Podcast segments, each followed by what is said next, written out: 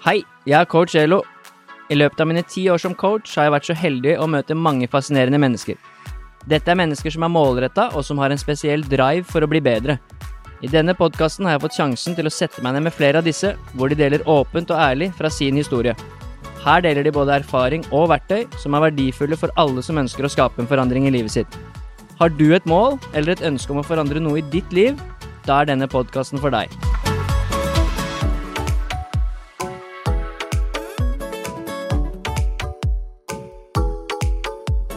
Hei og velkommen til en ny episode av Coach Elo med gjester. I dag så har jeg med en gjest som jeg har hatt uh, lyst til å ha med en stund. Men uh, det må jo passe. Men nå har vi liksom fått uh, avtalt det. Det gikk jo ganske fort egentlig når vi først satte oss ned og gjorde det. Han er jo også en travel mann. Så jeg gleder meg veldig til å høre historien hans, fordi jeg kan egentlig ikke historien hans så mye, selv om jeg har prata litt med han nå i et par podder og litt forskjellig, jeg har vært der nede på besøk og spilt inn en pod med kollegaen hans og gjort litt forskjellige ting. Uh, så jeg gleder meg. Jeg tror det blir en veldig fin historie. En historie om en kar som har turt å uh, Han har turt å gå sin vei, og har turt å stole på valgene i seg selv. Og det har vært en prosess for å komme dit. Det gleder jeg meg at han skal snakke om. Uh, litt om den jobben han gjør i dag, selvfølgelig, med Heart Mentality og, og hva de driver med. De hjelper mange mennesker der ute og skaper inspirasjon og stiller gode spørsmål. Så jeg håper jeg kan stille han noen gode spørsmål i poden i dag. Så før jeg introduserer deg litt mer, og vi skal komme litt i dybden, velkommen til deg, Marius. Tusen eh, hjertelig takk. Det er en ære å få være her. ja, det er ikke verst. For du har kommet til Lier på en søndag. Eh, det er ikke verst. Og vi har vært inne og sett litt på CrossFit Lensmannslia hvor jeg jobber, og prata litt om uh, dype ting, som vi ofte gjør yes. når vi møtes. det er det som er kulest å prate om. ja. Det er alltid gøy å, å, møte noen som, eh, hva skal du si, brenner, eller i hvert fall er lidenskapelig opptatt av det samme, da. Mm. Litt dypere ting. Komme litt lenger ned under overflaten, hva som skjer der, egentlig. Yes. Det syns jeg er veldig spennende. Så jeg setter pris på at du har kommet til Lier, tatt deg tida på en søndag til å være med i poden. Uh, og rett før vi nå spilte inn den her, så var jeg med i din pod. Yes. så vi har tatt to fluer i én smekk i dag. Ja, det var veldig kult. Var først og fremst veldig fett å dra til, uh, dra til boksen dere har på lensmannslia. Uh, helt uh, elleville fasiliteter der. Så det var, det var, gøy. Og så er det gøy å se reisen din, og det var litt det vi snakka om på, på podkasten som jeg har, sammen med en kollega av meg som heter Tim Rudi. Den heter Ti minutter med Tim Rudi og Marius. Litt uh, utfordrende å korte det ned på ti minutter når den podkasten her er sånn fra én til to. Så, så, vi måtte bare prøve å kjøre en speed-versjon av din reise. Det syns jeg var grisekult, og jeg elsker å høre hva som ligger bak folk som tør å gå for drømmene sine, folk som tør å ta egne valg, da, og, og gå den reisen der. Så det var veldig gøy. Så det var jo det vi snakka om i, i min podkast. Så var, jeg ble inspirert, så tusen takk for at du delte. Ja, det er gøy at eh, jeg rakk å inspirere deg litt på ti minutter. Det ble 20, da. Ja, det ble 20. Det ble et par episoder. det ble to timinuttere. Ja. Men uh, det er litt gøy med sånne grenser, for jeg er jo litt sånn Min pod er ikke ti minutter. Den er nærmere halvannen til to timer, tenker jeg, per episode, da. Jeg liker jo å gå litt sånn inn i materien. Bli ordentlig kjent. Hvem er du egentlig? Hvor kommer du fra? Hvordan, eh, liksom, hva har du gjort på veien? Så jeg føler jo at jeg har vanvittig dårlig tid når jeg får ti minutter, eh, og egentlig ikke har svart på noe som helst.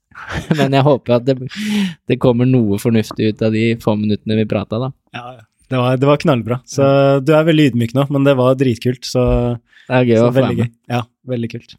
Din blir litt lenger, ja. så vi trenger ikke å stresse i denne poden. Her kan vi prate og drikke litt kaffe og litt vann, og ah, jeg, jeg, gleder meg til å, å høre litt mer om reisen din. Det blir spennende. Du, vi skal ha noen spørsmål fra Instagram. Men før det så tenkte jeg at du skal få lov å introdusere deg selv kjapt, selv om du skal fortelle hele din historie. Litt sånn hva folk eh, Bare at de vet litt hvem du er, hva du driver med akkurat nå, da. Mm. Så du skal få så mye tid du vil til å introdusere deg sjøl, bare kort, hva du driver med og hvem du er. Yes, takk skal du ha. Jeg heter uh, Marius Sørli. Jeg uh, kaller meg sjøl egentlig for fokustrener, for dette er et begrep som jeg liker å bruke som egentlig beskriver essensen i det aller meste. da. Uh, fokus, det vi fokuserer på, det får vi mer av. Og Jeg eh, jobber i en bedrift som heter eh, Heart Mentality, hvor vi har en eh, app med fokustrening og alt fra meditasjon, personlig utvikling. Og grunnen til at den appen finnes, og at jeg jobber der sammen med både ja, Anja Hammerseng Edin og, og Tim Rudi Weiteberg, som jeg jobber sammen med, det er at vi brenner virkelig for at mennesker skal kunne ja, finne styrke da, i seg sjøl og tørre å leve et liv i tråd med seg sjøl, og ikke bare løpe rundt i hamsterhjulet. Og ha rett og slett strategier og verktøy på plass da, for å kunne ta de valga som de innerst inne egentlig har lyst til å ta. Og det er jo også en del av min reise, at uh, jeg har kjent på hvordan det er å ikke gjøre det. Jeg har kjent på hvordan det er å ikke ha fokus på Kall det de rette tinga, da. Altså ha fokus på det som bygger opp. Jeg var ekspert i å dra meg sjøl ned, og, og så bare lærte jeg å Jeg lærte meg verktøy, jeg lærte meg å lære fra andre mennesker. Jeg lærte meg å se ting på en helt annen måte. Eh, jeg begynte å lese veldig mye når jeg slutta på skolen. Da fikk jeg masse interesse og passion for noe nytt, som da handla om fokus og ja, mental trening, eh, fokus, personlig utvikling, alle de tinga her. Jeg elsker det, jeg syns det er utrolig gøy, og det er egentlig noe som Hver dag som jeg våkner, så tenker jeg på hvordan kan jeg hjelpe noen i dag til å gjøre litt mer av det de egentlig har lyst til å gjøre, og finne litt bedre fokus på noe som kan bygge de fra, fra det øyeblikket her og framover. Så det er en stor drivkraft. Og så jobber jeg også mye som eh, foredragsholder, så jeg reiser mye rundt i, i landet og holder foredrag eh, om fokus til både bedrifter og idrettslag og skoler. Så, så jeg brenner veldig for det her, og jeg uh, syns det er veldig kult å, å, bare ta samtalen om det. For jeg tror det er så viktig da, at vi lærer oss de verktøyene her og, og finner det fokuset. Ja, det er jeg helt enig i. Og det er jo veldig tydelig at du er lidenskapelig opptatt av det du driver med. Og det syns jeg er fett. Man, eh, man ser bare du prater om det, at du blir engasjert, og det er kroppsspråk, og det er eh, Man ser i øynene dine at du dette, Du har valgt riktig, da. At du driver med noe som du burde drive med. Og det syns jeg er kult. For det er ikke alle som gjør det. Men det er som du sier, det er mange som kanskje skulle ønske de gjorde det, mm. men som kanskje ikke vet helt hvordan. Eller at uh, de ikke tør. Det tror jeg også er vanlig. At man står litt der og kanskje driver med noe som er helt greit, og som de er helt ok på, og som kanskje gir dem inntekt og hva det måtte være, men innerst inne så er det kanskje noe mer de egentlig skulle ønske at de, kunne, at de gjorde, da. Mm. Eller turte å, å teste. Mm. Så jeg gleder meg til at du skal prate litt rundt om det i dag, yes. i episoden. Selvfølgelig din historie, hva du har vært gjennom, uh, og hvordan du kom fram til det som er riktig for deg. Uh, du har jo også vært i den båten av at du har studert ting som egentlig ikke interesserte deg, og mm. kanskje jobba med ting som ikke var så fett, og, og, hatt litt store opplevelser også i livet som gjorde at uh, nå må jeg kanskje revurdere litt hva jeg driver med. Mm. Eh, og så turt å ta de valgene. Det syns jeg er kult. Så jeg gleder meg til å høre mer om jeg, det. Jeg, jeg er også en annen ting, da. Jeg er veldig, veldig glad i tørre vitser. Så ja, det, det, er også noe jeg er veldig glad i. Så så jeg pleier egentlig å starte noen ganger foredrag, og hvis det er én-til-én-samtale eller hva det er, med en liten vits, for det blir ofte så fort så veldig alvorlig når vi snakker om fokus og personlig utvikling og alle de ting her. Så, jeg pleier egentlig å liksom starte med en vits, da. Så vil du, vil du høre en vits? Ja, jeg kjenner, jeg kjenner, jo til disse vanvittig bra vitsene dine. Så du, du skal få lov å ta, skal få lov å ta en i poden her òg. Jeg kan ta en som er relevant da, for dagens tema, ja, men... uh, som, jeg, som, jeg, pleier å, pleier å ta. Og det er uh, bolledeigen. Brydde seg ikke om negative kommentarer. Den bare hevet uh, seg over det. Så, så. ja, det er, den er fin. Så hvis dere sitter igjen med noe i dag, så håper jeg Tenk på Boldein. Man hever seg over det. Ja. Fint å ha litt humor inn i det man driver med Ja. Det er viktig. Det er, det er, egentlig litt derfor jeg tar det. Det er som en påminner på leken og gøy. da. Og jeg har jobba en del med idrettsutøvere òg, og ofte så er det sånn at de som klarer å ha det litt gøy, klarer å bringe litt lek, eller klarer å smile litt, da, gjør ofte til at man presterer bedre. Så jeg tror at uh, humor, lek, um, ja, kødde litt, da. Jeg tror det er kanskje viktigere enn vi tror. Så det er også litt grunn til at jeg har fokus på det. Så, så jeg bruker det egentlig mye som et verktøy. Det tror jeg er veldig lurt. Det er viktig å ha litt humor, og det, det tror jeg er lettere å prestere når man eh, er litt fri, og da kan jo humor være et bra verktøy. Det er mm. lettere å være på instinkt, hvis du ikke går og bekymrer deg over alt som har skjedd, eller som kanskje skjer, men at du bare har det gøy med nuet, da. Ja. Det er veldig bra. Jeg skal uh, gi deg noen spørsmål før du skal få mange spørsmål i dag. Yes. Veldig mange. Men jeg skal gi deg noen fra Instagram, fra følgere, eh, før vi begynner med din historie. Jeg tenker at det er, det er ofte en sånn fin måte å starte litt på. Det er kanskje ikke like bra som vitsene dine, men det er, eh, det er i hvert fall helt der oppe. Let's go. Så jeg har lagt ut noen spørsmålsrunder i ny og ne på Instagram, og, og reklamert litt for at jeg skal ha med forskjellige mentaltrenere i poden. Du liker jo å kalle deg for en fokustrener.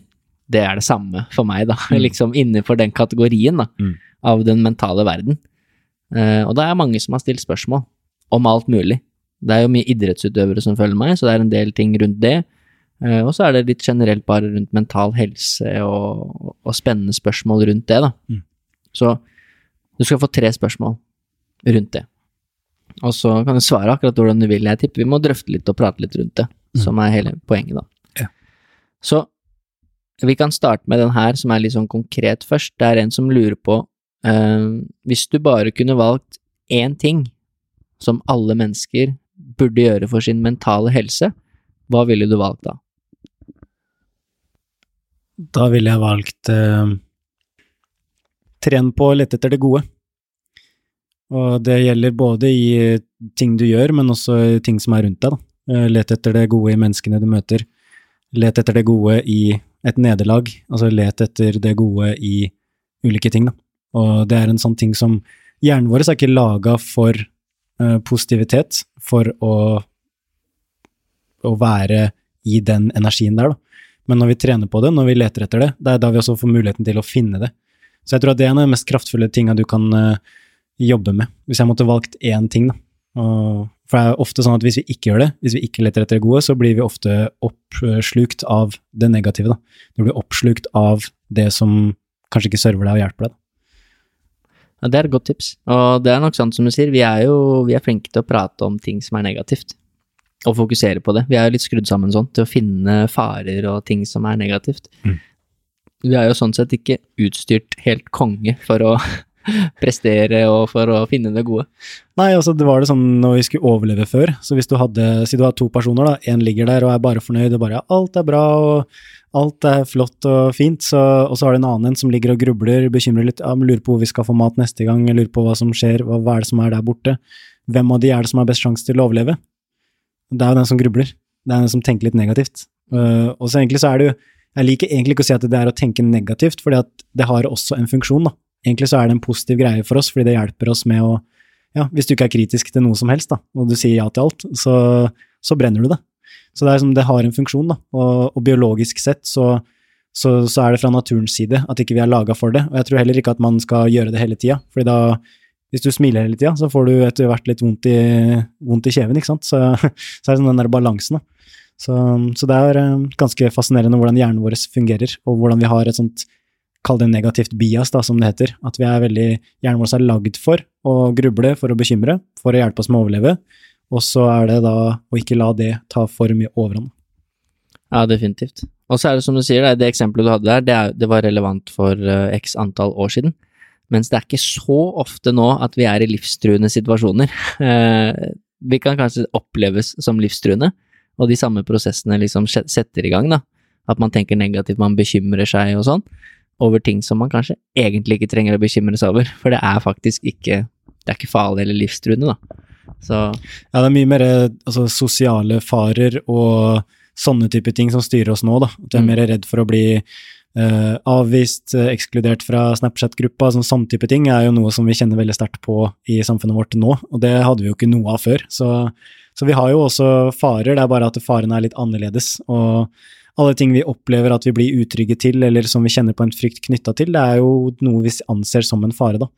Og altså, en eksamen kan være en fare for noen, og så kan det være helt null stress for en annen. Så, så det, er, det er litt forskjellig, men eh, det er veldig sant. Det eh, vi, vi lever ikke inni huler nå, vi har det ganske bra og ganske komfortabelt, så nå har vi bare andre typer farer. andre typer bekymringer, ja. Men det er fortsatt Mm. like relevant i hodet vårt. Så som du sier, tipset var å lete etter det gode. Både i deg selv og i andre og i situasjoner og i jobben din og alt det du driver med. Kanskje lete etter det gode i eksamen nå, hvis du sitter med det akkurat nå. Yes, virkelig. Det kan være lurt. Det er et bra tips. Det neste, ok, vi kan ta den her. Jeg vet ikke om du kaller det for kunder eller utøvere eller hva det måtte være, men spørsmålet er i hvert fall hvordan starter du jobben med en ny kunde? Mm. Nysgjerrighet. Mm. Må være nysgjerrig på den jeg prater med, og prøve å finne ut av hva er det som er, det som er viktig for deg. Hva er, som, hva, er det, hva er det du har lyst til? Altså, hvorfor er du her? Uh, hvorfor sitter vi sammen nå? Hva er det du har prøvd tidligere? Um, hva er det du ønsker å få til? Og så er det sånn hva som motiverer deg, da. Uh, for det er veldig forskjellig på mennesker, det vet jo også du som er coach. Noen blir kjempemotivert av å sette seg tydelige mål og bare yes, superstrukturert plan og bare go, go, go. Mens andre blir veldig motivert av å klare å ha litt sånn friere rammer og kanskje leke litt mer eller ha litt variasjon eller sånne ting. Så, og det er det vanskelig for meg å vite før jeg har prata med deg, da. Så, så det, sånn for meg så tenker jeg alltid at første møte så handler det om at jeg har lyst til å lære hva er det som er viktig for deg. Og, og jeg føler ikke at jeg kan komme med gode råd før jeg vet det. For da, da, blir det mer at jeg bare tar sjansen på noe. Og så finnes det selvfølgelig masse forskning på ting som er lurt å gjøre og sånne ting, men folk er så forskjellige. Så, så jeg pleier å starte det første møtet med masse spørsmål, og bare finne ut av hva som er viktig, og, og hva du trenger, og hvor du vil, ikke minst. Og, og hvorfor er det viktig? Hvorfor vil du dit? Hvorfor er det målet viktig, eller hvorfor har du den drømmen, og hvor kommer det fra? Prøve å gå litt inn i kjernen av hva, hva som er viktig for deg, da. Og det, det, det syns jeg iallfall danner det beste grunnlaget for å jobbe videre, da. For da vet jeg mye mer at ok, men de tinga her er viktige for deg. Det her er ting som, eh, som virkelig betyr noe for deg å få til. Eh, så det hvis jeg da pusher deg mot det, så vet jeg at jeg pusher deg mot noe som er bra, og som gir deg en god følelse. Og at ikke det da blir et sånt eh, ekstra stress eller ekstra forventning. Fordi at ja, men du, du har det målet her, men så kjenner du på de høye skuldrene. Eh, så, så, så, det å komme inn i kjernen. Hva er det som er viktig, hva er det du trenger, og hvor er det du vil? Det er sånne ting jeg elsker å ha om, snakke om i den første samtalen. Så vet ikke, hva, hva ville du svart, som er eh, coach som jobber mye med det? Jeg ville nok svart eh, noe av det samme. Eh, definitivt eh, finne ut mer om personen som sitter eh, framfor deg. Eh, lytte, egentlig, ville jeg nok nevnt. Mm. Det å virkelig lytte. Og da må du selvfølgelig stille noen spørsmål, da, for å gi personen mulighet, og du har jo mange gode spørsmål eh, som også kan liksom få fram nysgjerrigheten som du har for den personen. Og så når du har stilt det spørsmålet og vist at du er nysgjerrig, også det å evne til å lytte, da. Mange coacher, tror jeg, og Peter eh, kan sitte kanskje og vente litt på at de skal si noe. For nå skal jeg si noe lurt, nå skal jeg si liksom hvordan du skal nå det målet der. Eh, og så kanskje glemme å faktisk lytte ordentlig. Hva er det egentlig den personen framfor meg sier nå? Hva er det egentlig den personen vil? Eh, og bare lytte til det. Være litt stille. Prate minst mulig, egentlig. Bare stille spørsmål, og så lytte. Det tror jeg er en god start. Da. Ja, det er, det er kjempeviktig. Så det, det, Hvis du virkelig lytter, så er det ofte da du kan liksom finne mer av kjernen i ting også. Så det er et veldig godt tips. Mm.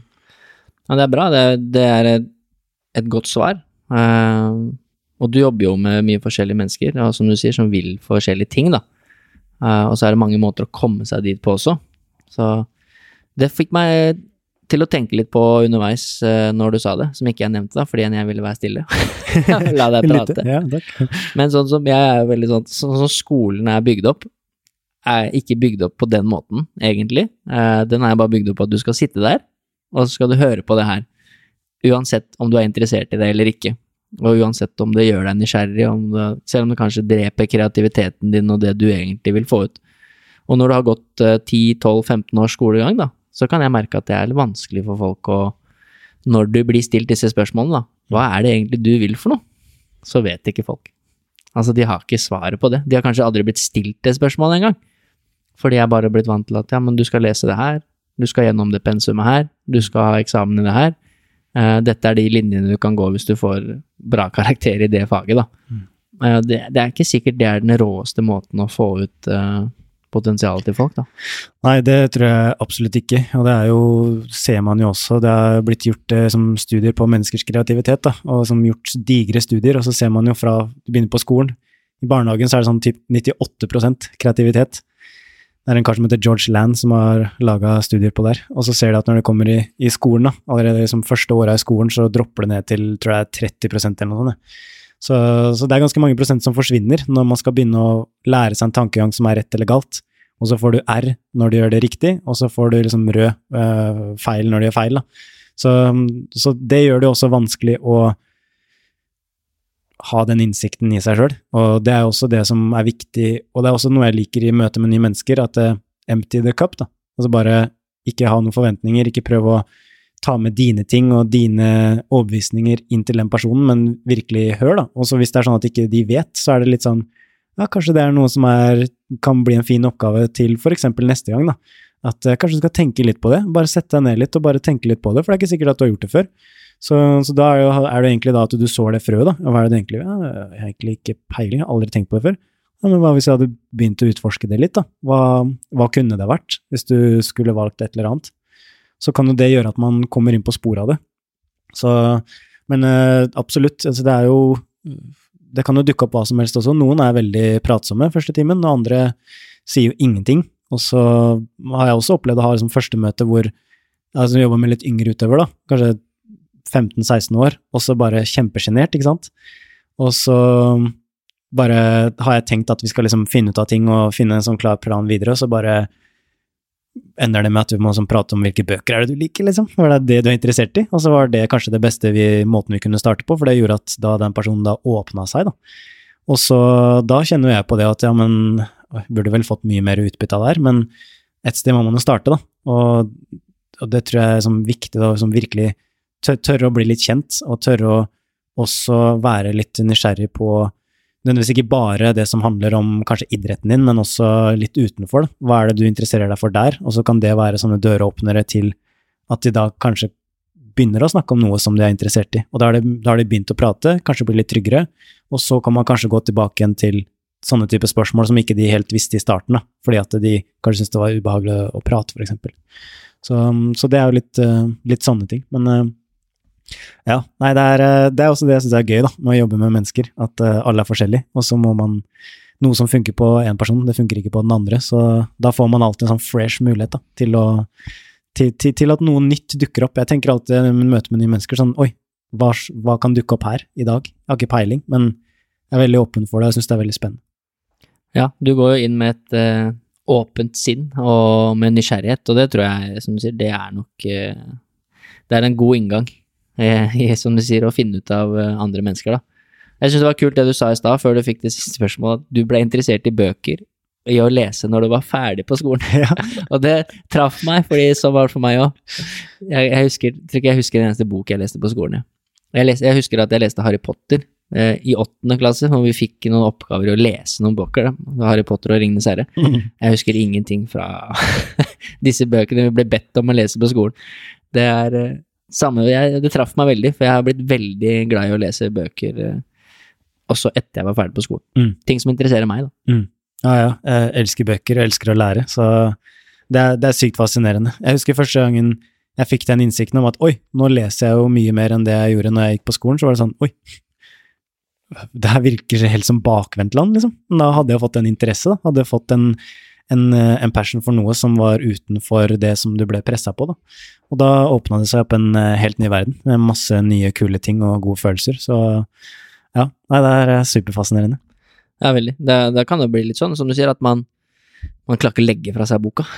Ja. Det har jeg opplevd mange ganger. Det er så spennende at jeg må bare lese den ferdig, og for ja. noen er det helt fjernt. Bare hva er det? Det kan jo ikke være så spennende, liksom, å sitte og lese en bok.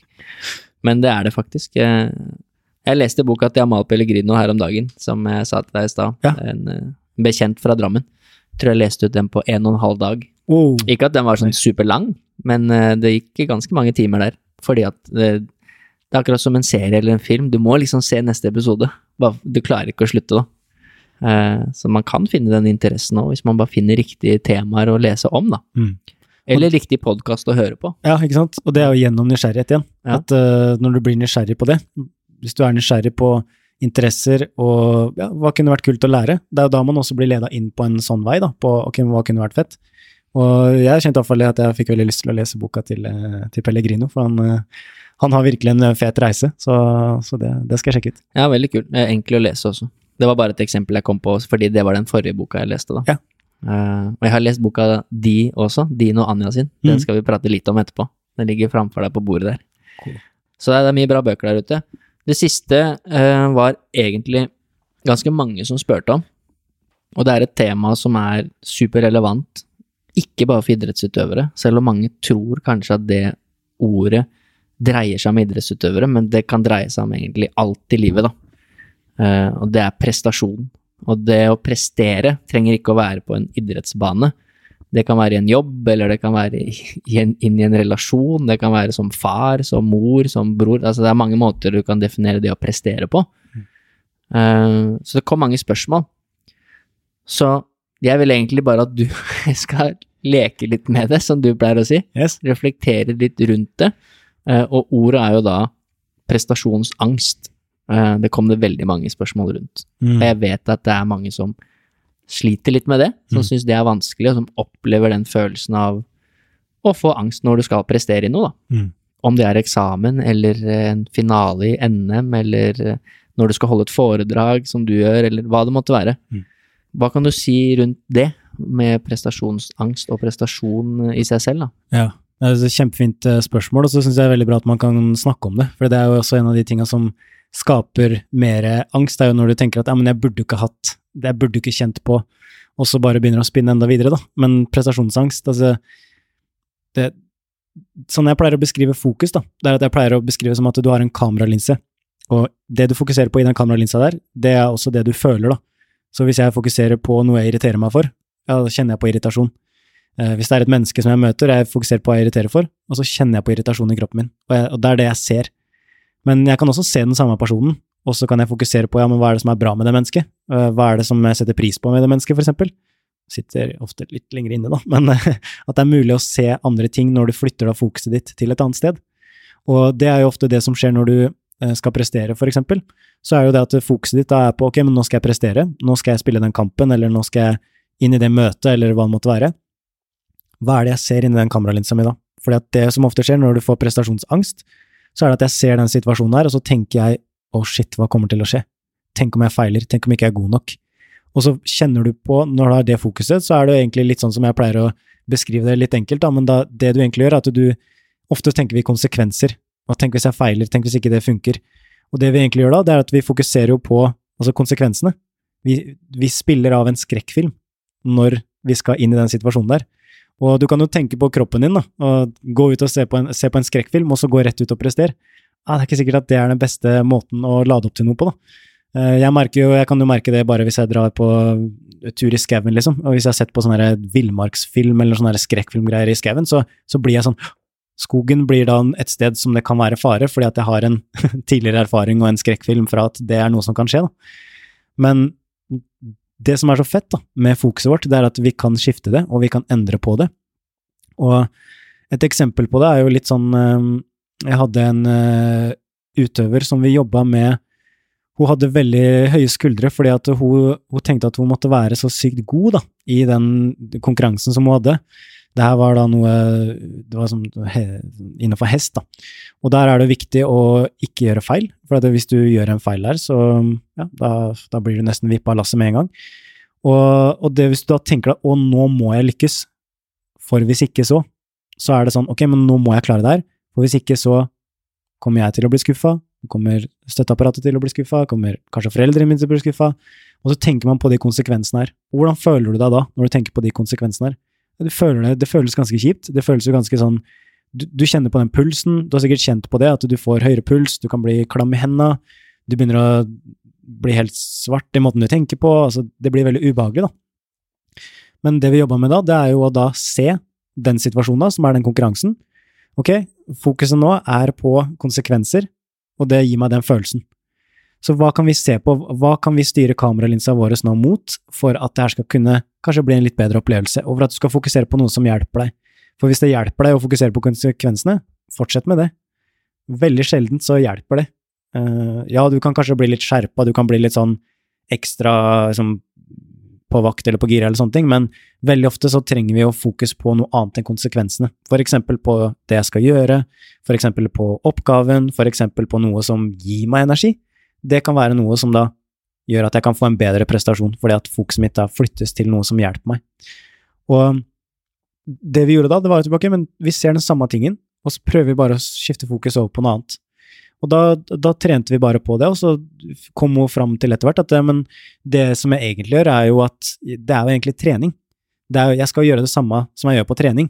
Så det er jo egentlig det er bare en konkurranse. altså Det er jo egentlig en trening med, med tilskuere, med litt større ramme rundt. Og så så hun da på da den konkurransen som en mulighet til å trene, til å se hvordan det har gått med treninga hennes fram til det tidspunktet der.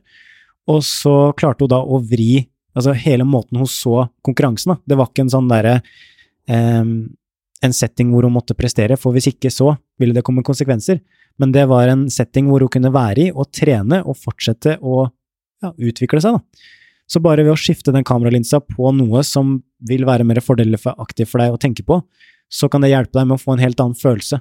Så hun gikk da fra å være veldig stressa og veldig aktivert og kjenne på veldig mye av den altså prestasjonsangst. Det er når du ser en situasjon og du tenker 'å, jeg forstår ikke helt hvordan jeg skal gjøre det', fordi at du tenker så mye på konsekvensene. Men det å senke det, den prestasjonsangsten handler veldig ofte om å skifte fokus over på noe som, som, du kan gjøre noe med, som du kan bidra med. En konsekvens er jo ikke noe som har skjedd ennå. Så, så, du får ikke gjort noe med en konsekvens fordi at den har ikke skjedd ennå. Og det er også det som er litt sånn vanskelig med hodet vårt noen ganger, da, at vi, vi, blir så opptatt av hva som kanskje kan skje, og alle de scenarioene her, og så blir vi påvirka av det. Men hva er det som egentlig hjelper, da? Hvilket fokus er det som egentlig vil hjelpe meg i denne situasjonen? Og, da, og det er noe man kan bruke i forhold til enten det er en kamp eller en trening eller et møte eller whatever, så hvilket fokus er det som hjelper? Hva er det som er lurt av meg å putte inn i min kameralinse for at jeg skal kunne kjenne at jeg kan være til stede og fokusert i det som skjer? Så så det er kanskje en av, en av, mine beste råd, da. Det er å tenke på hva er det som hjelper meg, og hva er det som ikke hjelper meg. Og hvis du tenker nå at du har en kameralinse, og så ser du på det som du føler, du føler gir deg prestasjonsangst, da. Hva putter du i kameralinsa di? Hva er det du ser? Og hvordan er det du føler deg da? da ser jeg som Tenk om jeg, tenk om jeg driter meg ut, tenk om jeg, alle de tinga her. Ja. Eh, hjelper det? Nei, det gjør egentlig ikke det. Ok, Men hva kan være et annet fokus? Hva er det som kan være viktig for deg å putte inn i kameralinsa di før du skal prestere, før du skal gjøre det her? Ja, det er kanskje forberedelsene mine, oppgavene, hva kan gi meg energi, hvilke mennesker er det som jeg kan prate med, eller hva du trenger, da. Og det du gjør da, det er at det som jeg liker å bruke det som en kameralinse, er at du kan zoome inn, du kan zoome ut, du kan få overblikk, du kan ha veldig, veldig fokusert på oppgaven. Og det er også sånne ting som du kan leke litt med, da. Hvilket fokus er det som hjelper meg? Hva er det som jeg kan fokusere på som kan være kanskje et bedre alternativ? da? Og hva kan jeg gjøre for å minne meg sjøl på det? Hvordan kan jeg gi meg sjøl påminnere? Hvordan kan jeg trene opp det fokuset? For hjernen vår er også trenbar. Det er det som er fantastisk. Vi har noe som kalles for neuroplastisitet. Og det betyr rett og slett at det vi fokuserer på, det får vi mer av. Og de tankene som vi tenker flere og flere ganger, de blir sterkere. Og de tankene som vi ikke tenker like mye, de forsvinner da mer og mer bort. Litt sånn som på skolen, for eksempel. Jeg vet ikke om, Hadde du språk eller noe sånt på skolen? Ja, det hadde jeg hadde tysk og spansk. Ja. Husker du mye, husker du mye av det du lærte? Nei. Nei. Como estas? Hvordan har du det? Nei, jeg husker nesten ingenting. Nei, ikke sant. Og, det, og mest sannsynlig er det fordi du har ikke brukt det så veldig mye. Uh, en ting er å lære det, men en annen ting er å bruke. Og det er jo det som er det her med altså prestasjonsangst. da. Det, det kommer uh, av hva du velger å fokusere på. Og, og måten du håndterer det på, det er ved å rett og slett skifte fokus. Og det når du fokuserer for eksempel på ja, men hva kan jeg gjøre, hvilke forberedelser er det som er viktig, la meg plassere fokuset der, da. Hva skjer med kroppen din? Ja, kanskje du roer deg ned, kanskje du tenker at ja, men det her får jeg ikke gjort noe med, det her har ikke skjedd ennå, det her hjelper meg ikke, kult, eh, hva kan jeg fokusere på istedenfor? Eh, jeg har, en øvelse som vi bruker veldig mye i, i, i Heart Mentality, og spesielt med ja, veldig mye forhold til idrettsutøvere og sånne ting, men det er en fantastisk øvelse som heter WIN, uh, What's Important Now. Det er som er, What's Important Now, hva er det som er viktig nå? Er det å tenke på skrekkfilmen? Nei, det er ikke det.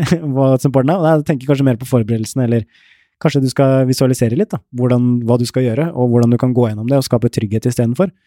Eh, så og det kanskje kan hjelpe meg litt mer, da. Så det var veldig langt eh, svar på det, men eh, jeg prøver i hvert fall å prøve å gi et sånt enkelt bilde av det, da, sånn at folk kan kanskje kjenne seg litt igjen. Og mitt råd er i hvert fall å tenke på det at hvis du spiller en skrekkfilm, så prøv å se om du kan spille av en annen film og fokusere på noe annet som kan hjelpe deg istedenfor, og som kan kanskje gi deg mer trygghet. Og frykt er bra. Frykt kan gjøre oss skjerpa, og frykt kan være sånn åh, jeg er så spent, tenk om jeg, ikke går bra i den kampen. Det kan være veldig bra å kjenne på den frykten, for det kan gjøre til at vet du hva, da skal jeg sikre enda bedre forberedelser.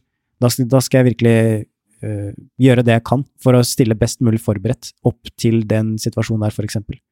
Og da har du fokus på det du kan gjøre noe med, og mindre fokus på det du ikke får gjort noe med, som er da de konsekvensene som enda ikke har øh, skjedd. Så, og det er helt ok å kjenne på at kroppen blir aktivert.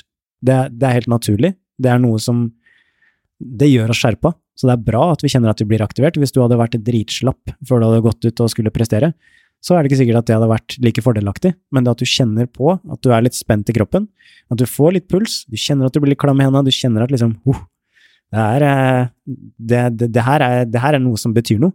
Det er kjempebra, og det kan du bruke som fuel.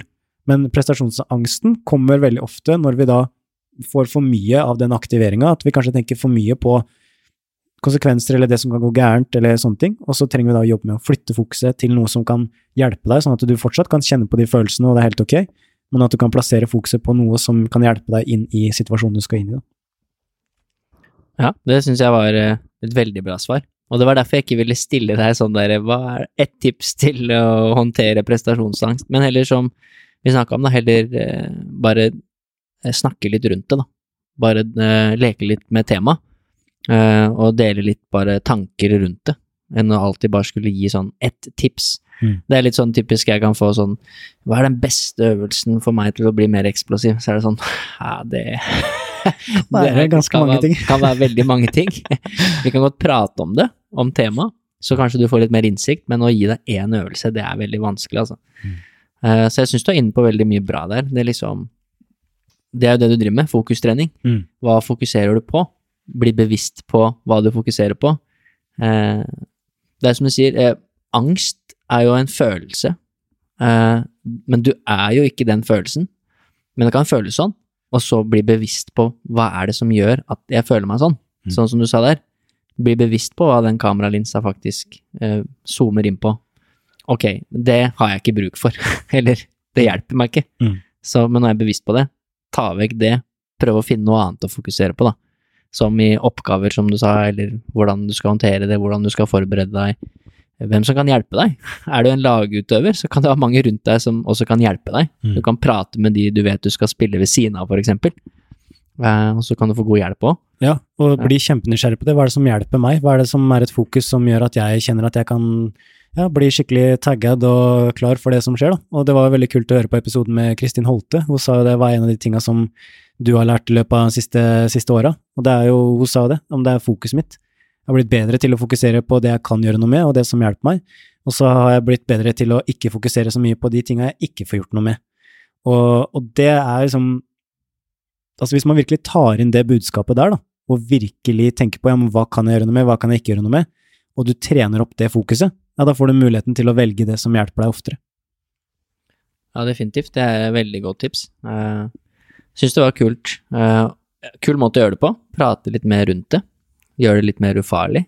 Det er jo helt normalt å føle på det. Mm. Du kan jo kalle det for mange ting. Prestasjonsangst. Det kan bare være nervøs, du er nervøs. Mm. Eh, at, og som du sier, at det betyr noe for deg. Mm. Eh, det kan være veldig mye positivt i det, egentlig. Og så må du bare lære deg å håndtere det. Mm. Det er ikke farlig. Det, er bare, det betyr at dette er noe jeg virkelig liksom har lyst til å få til. Mm. Eh, og så kan du egentlig bare bruke det som noe positivt, da. Mm. Det er jo en helt menneskelig respons. Altså, det betyr at du er et menneske, og det betyr at du har et nervesystem som har lyst til at du skal være klar da, for det som skjer. Og så er det også sånn at hvis du ser på intervjuer med idrettsutøvere, da, hvis det er noen som spør er du nervøs før kampen i dag, så sier jo også veldig mange idrettsutøvere at jeg er veldig spent på det som skal skje. Fordi at spent og nervøs, det er veldig lik aktivering. Det er sånn veldig lik ting som skjer i kroppen, nesten tilsvarende likt, men spent er mer sånn ja, det er liksom mer sånn positivt lada. Og nervøs er litt mer sånn åh, nervøs har ofte en sånn negativ innvirkning, da, eller negativ assosiasjon for folk. Så det at man da ja, kanskje tester ut det, da, ja, men jeg er spent, og jeg er klar, og, og det at det her skjer i kroppen min nå, det er bra, det gjør meg skjerpa. Og hvis du kjenner at det, pulsen blir veldig høy, og at det blir veldig aktivering, at det begynner å bli nærmest prestasjonsangst, så er det sånn, ok, win, altså what's important now, hva er det som er viktig for meg nå? Hva, hva kan jeg ha fokus på nå? Så, så jeg synes at det er veldig, veldig viktig perspektiv også, at uh, det er ikke noe feil med å ha prestasjonsangst. Til og med de beste utøverne i verden uh, kjenner på disse følelsene. Så, så det er iallfall noe man uh, ja, Eh, hvis du leser, eh, leser bøker eller studerer de, de, du ser opp til på idrettsbanen eller eh, hva det måtte være, så de kjenner også på disse følelsene, og så er de bare litt bedre til å velge et fokus som, som hjelper dem, og at ikke de blir spist opp av det som drar dem ned. Ja, 100 Det er eh, veldig fine tanker og refleksjoner rundt det. Jeg skal nevne to ting som jeg tenkte litt på når du satt og prata om det. Mm. Og det ene er jo som du sa, at det er mange som tenker på konsekvenser eller på et resultat som kanskje kan være der. Hvis vi vinner den, så får vi gull. Hvis vi taper den, så er vi ute. Altså, det er normalt, da. Eller hvis jeg bommer, så kan det hende jeg blir bytta ut. Det kan hende at folk syns jeg er ræva. Det kan hende at folk ler av meg. Det kan hende at jeg ikke får den sjansen igjen, og alle disse konsekvensene, som du sier, da. Eh, det som jeg også i enkelte caser har liksom opplevd selv, er jo også at prate om disse konsekvensene som du mener ligger der. Mm. Hvis det er noen som virkelig sliter med liksom, prestasjonsangst, at men hva er det verste som kan skje, da? Hvis du bommer. Mm. Og så bare også finne ut av at det er ikke så ille. For det første så gjør alle andre det. Mm. Det er ikke bare deg. Og det er ikke så veldig mye ille som kan skje, da. Uh, det er, ja, det er en konsekvens som kanskje er litt kjip, men det er ikke noe farlig. Og så liksom, ja, gjøre det litt mindre skummelt, kanskje. Og det andre jeg tenkte på, er jo at de som har gjort dette som du nevner nå, uh, vært blitt flinke til da, å styre kameralinsa si riktig, fokusere på det som er viktig nå, de blir jo også etter hvert veldig gode til å stå i den situasjonen. Sånn at etter hvert så blir man jo komfortabel med å være ukomfortabel, mm. på en måte. Du har stått i den settingen så mange ganger at du begynner å bli ganske god på å håndtere det, da. Mm. Uh, og det er jo også en konsekvens eller et resultat av at du har gjort det over tid, og blitt god på det. Og det ser man jo med de beste idrettsutøverne i verden, at de presterer veldig ofte bra i vanskelige situasjoner. Mm. Det er jo ikke tilfeldig, det heller. Ja, og så er det det med refokus òg, som Kristin uh, også nevnte. Det er det der når du ser opp på den tavla, eller når du ser på den scoren, liksom Oi, å nei, nå skårte de, eller å, nå må vi ha et mål. Ok, og så raskt da klare å refokusere til så hva hjelper det nå? For hvis du tenker bare å shit, vi må ha mål, vi må ha mål, og det er det som er fokuset, da, så blir man ofte veldig sånn høye veldig aktivert, og kanskje kommer ut av rytmen, da. Men det er sånn her, ok, ok, det skjedde, hva er det som er viktig for meg akkurat nå, da? Og så klarer du å hente fokuset ditt, så er det noe som kan hjelpe deg til å komme inn i det igjen, da, og fokusere på det som hjelper deg der og da. Og veldig sjelden så er det å være helt obsesst i resultatene noe som hjelper deg underveis i, i, en kamp. Så noen ganger så er det bra å ha det for å liksom vite hvordan du skal fordele kreftene dine og sånne ting, men ja, bare være Jeg hadde Hvis jeg skulle gitt et råd i forhold til å begynne å jobbe med, med fokus, da, så er det å rett og slett bli nysgjerrig på det. Hva, når fokuset mitt er på et godt sted, og det hjelper meg, hva, hva skjer da? Eh, hva, hva, er det jeg putter inn i kameralinsa mi da? Altså, hva, hva er det jeg har fokusert på? Og veldig ofte så er det sånn at du da begynner å se at du har mønster, da. Oi, men når jeg fokuserer på dette, så kjenner jeg jo at jeg senker skuldrene, eller når jeg fokuserer på dette, så kjenner jeg jo at jeg klarer å raskere komme meg opp, eh, opp igjen. Så, så, det å være nysgjerrig på det òg, da, eh, på hvilket fokus er det som egentlig hjelper meg, det er også veldig, veldig fordelaktig. da. Bli bedre kjent med deg sjøl, og de, de sidene av deg selv også. Ja, som Anja, som er din kollega, da, nevnte i poden, hun har jo vært med som gjest i poden min før. Og hun sa en ting også, det å enten ta noen andre, eller ta seg selv, eh, ta seg selv Eller hvordan skal man si det? Ta deg selv eh, på en måte i fersken på å gjøre noe bra, da. Mm. Eh, og også være litt nysgjerrig på det. Når jeg er god, hva er grunnen til at jeg var god? Mm. Det er jo også en, en, fin måte å se det på. At ikke du alltid bare har fokus på hva jeg skal gjøre nå for å ikke fucke opp, ja. men også når jeg gjør disse tingene her, så vet jeg at jeg er god. Mm. Uh, og sist gjorde jeg det, og da gikk det bra. Og disse tingene må jeg fortsette med, da. Det er jo uh, veldig fine refleksjoner rundt det med prestasjonsangst. Det er fint å bare prate litt om det, egentlig, uh, istedenfor bare å gi sånn ett konkret tips. Uh, så kan man leke litt med temaet og ufarliggjøre det lite grann. Og da skal vi jo inn på det jeg har gleda meg mest til, og det er din, episode, nei, din historie, da. Uh, høre litt mer om uh, hvem du er, hvor du kommer fra, oppveksten din, og hvordan du har egentlig blitt han du er i dag, da. Så hvor vi begynner med den historien, er jo litt opp til deg, men jeg tenker jo det er jo greit å høre litt om oppveksten din og hvor du er fra, og litt i de første årene dine i ditt fremdeles uh, unge liv. Ja. Ja, jeg eh, vokste opp eh, et sted i Indre Østfold, et sted som heter Ørje. Det er ikke så mange som eh, vet hvor det er, men eh, der vokste jeg opp. Jeg eh, bodde litt sånn litt ute på landet, så jeg vokste opp med altså, høner på tunet. Det var ganske landlig, for å si det sånn. Og ja, når jeg vokste opp, så vokste jeg opp med uh, mamma, min tidligere stefar og en del småsøsken. Og noe av det som jeg brukte veldig mye av oppveksten på, det var jo å spille fotball. Det var noe av det jeg syntes var aller best. Da liksom elska å dra på Løkka med gutta, eller dra til eh, banen som lå som fem kilometer unna, men hadde heldigvis sykkel, så det gikk veldig fint. Så jeg kan eh, relatere til at det har blitt mye fotball opp gjennom, ja. Da man var liten. Ja, veldig deilig. Så kjøpe med seg litt eh, kjeks og saft og være på bane mange timer, det er episk. Ja.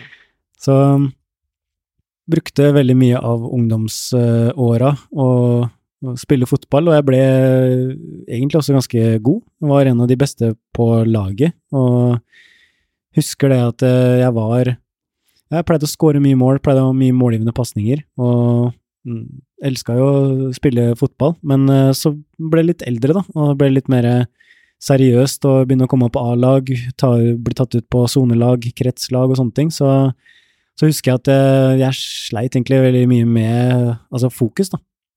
Og mange sier jo at de liksom fikk den derre kneskaden, eller det var et eller annet skade da, som satte de ut av, eh, av spill, og så derfor så nådde de ikke opp. Men jeg tror at den grunnen til at jeg ikke nådde opp, var eh, fokuset mitt. Jeg hadde en fokusskade, rett og slett.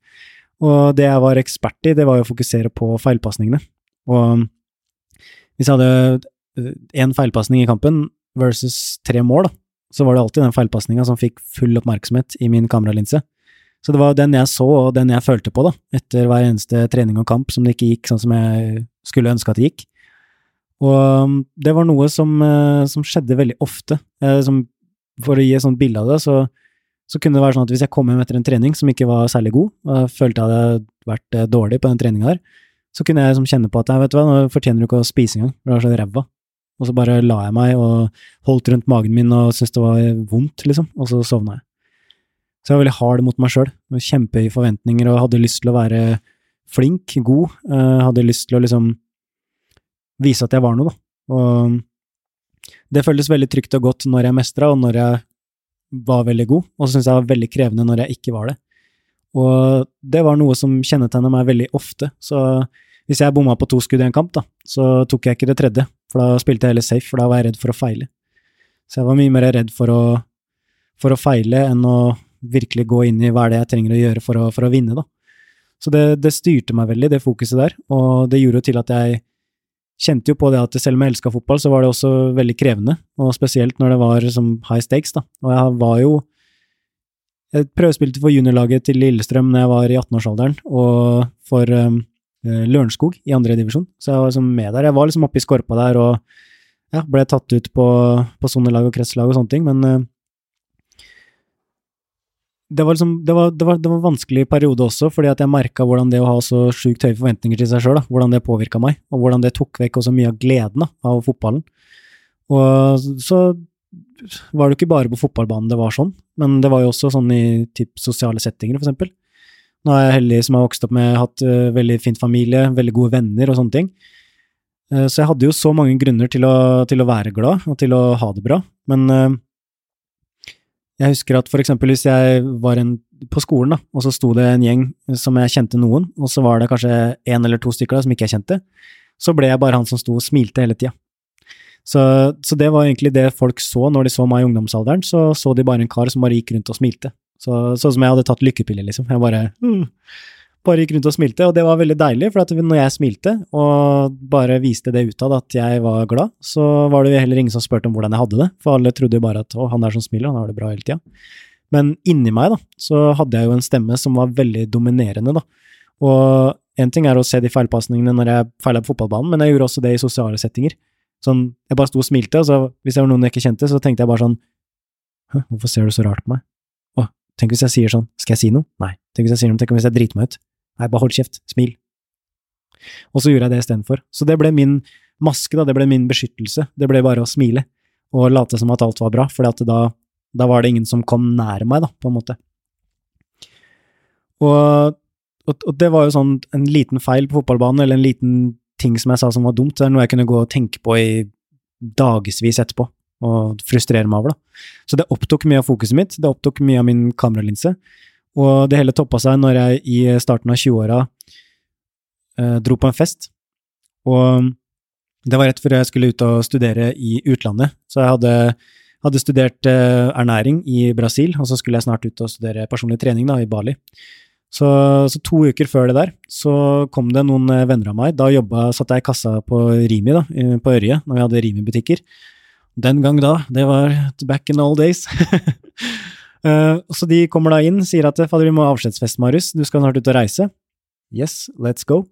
Så jeg jobba da til klokka var sånn rundt ni den kvelden, og så kom jeg på vorspiel da, i, i Indre Østfold når klokka er halv ti. Og da skjønte jeg det, når jeg er sliten etter jobb. Nå skal jeg hit, skal være sammen med folk, ha det fett. Nå er det én ting som gjelder, og det er å bare drikke på. Så vi hadde to timer da, før vi skulle ned på puben i Ørje, og det var livemusikk på puben i Ørje, og det var sånn wow! Det, det skjedde ikke så mye i Ørje. Når det var livemusikk, så var det sånn julaften og nyttårsaften, det var liksom store greier, da. Så drar jeg til uh, en kompis av meg, drar på vorspiel der, drikker kjempemye, drar på puben, fortsetter å drikke der, og den kvelden der avslutter med at jeg får et innfall om at jeg skal tilbake igjen og hente drikke og sett utafor som vi kunne ta med oss til nachspiel. Men så det jeg gjør istedenfor, er at jeg stopper opp, går inn i gangen der, og så henter jeg fram et par bilnøkler istedenfor. Så går jeg tilbake igjen i bilen min, tar på meg beltet, og så rygger jeg ut av parkeringsplassen, og så kjører jeg av gårde. Og hele den kvelden ender med at jeg krasjer inn i et autovern, i høyt berusa tilstand. Og jeg, jeg, klarte ikke helt å skjønne liksom, alvoret av det som hadde skjedd. Og den gutten som krasjer, da, det er jo en som syns det er dritkjipt å slå en feilpasning på fotballbanen. Som syns det er helt forferdelig å si noe dumt i en sosial setting. Altså, sånne ting var store for meg. For meg var det stor motgang. Og nå gjorde jeg det her, og det var sånn Det var den største motgangen jeg følte at jeg kunne oppleve, da. Og de dagene etter krasjen så var det sånn Jeg er veldig glad for at det gikk bra. Heldigvis hadde jeg på meg belte, og jeg ble kjørt på sjukehuset. De sjekka meg for indre skader, det gikk ganske greit, fikk litt vondt i nakken men våkner jo opp der med som nakkekrage og kanyler i begge armene, og ja, jeg skulle også hjem da til min mor, eh, fordi at jeg hadde jo bare noen uker til jeg skulle ut og studere, så jeg bodde jo da bare hjemme hos henne lite grann og jobba, sånn at jeg da kunne spare opp penger. Og jeg bare husker denne følelsen av å dra hjem til, til en person da, som du er så glad i, og så bare vet du at nå har jeg skuffa deg så sjukt, og jeg husker jeg bare ble så sykt kvalm av bare tanken på at jeg skulle hjem og se mamma i øya for første gang. Og jeg ble henta på sjukehuset der. Jeg skjønner liksom ikke helt hva som har skjedd, jeg er fortsatt litt sånn berusa. Men jeg kjente at jeg liksom ble kvalm, det var ikke pga. at jeg var fyllesyk, det var fordi at jeg skulle møte mamma, fordi at jeg er veldig glad i henne. Og jeg husker det, bare vi kom nærmere og nærmere hjemme, og jeg bare ble kvalmere og kvalmere i magen. Kjører fram til parkeringsplassen, tar av meg beltet, går ut av bilen. Det er, som, det er, snø ute, det er kaldt, og jeg ser ut som en dass. Liksom klærne mine er klippet opp, og jeg ser bare helt forferdelig ut. Skal gå fram til døra, skal til å ta i håndtaket, men da er det noen som tar i håndtaket først. Så mamma har sett at jeg, at jeg har kommet.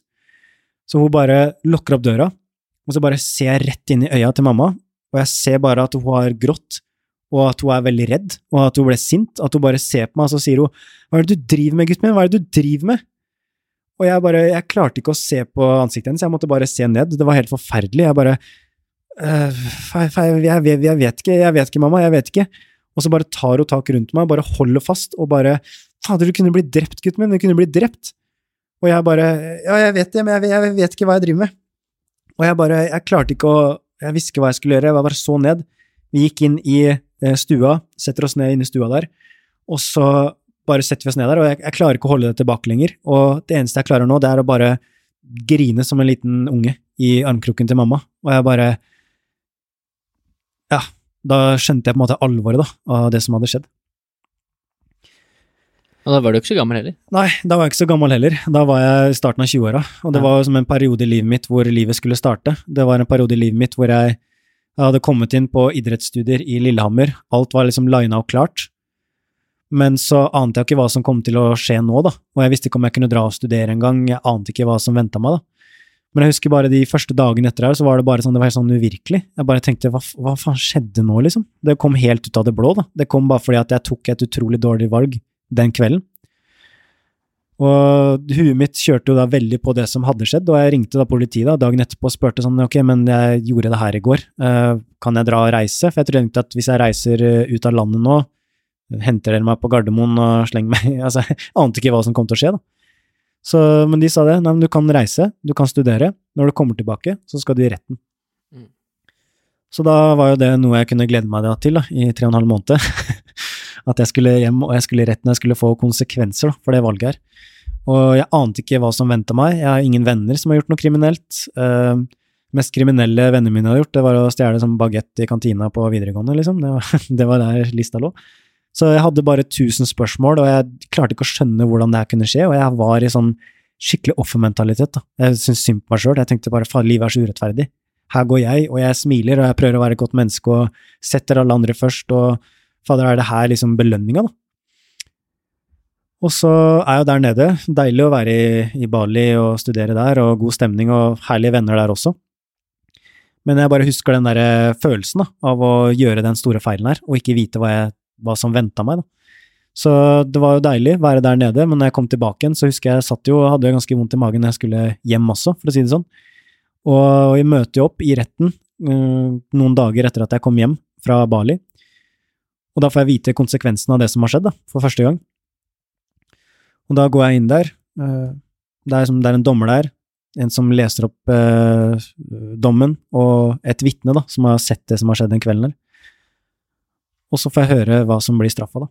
Så første var at jeg, jeg fikk veldig mye gjeld. For jeg hadde krasja et autovern, jeg hadde ødelagt bilen min, jeg hadde nettopp solgt bilen uh, fordi at jeg sparte penger, da. Så det var litt kjipt. Og det var, sånn, det var nattillegg, jeg måtte, liksom, jeg måtte, betale over 100 000 i gjeld. da. Det var helt Jeg bare tenkte sånn, ok, men det, det, her går ikke, jeg kan ikke dra og studere nå. Jeg bare tenkte nå må jeg skaffe meg jobb, nå må jeg finne et billig sted å bo. Så jeg bare kjørte hodet mitt på hva kan jeg gjøre, hva kan jeg gjøre, hva kan jeg gjøre.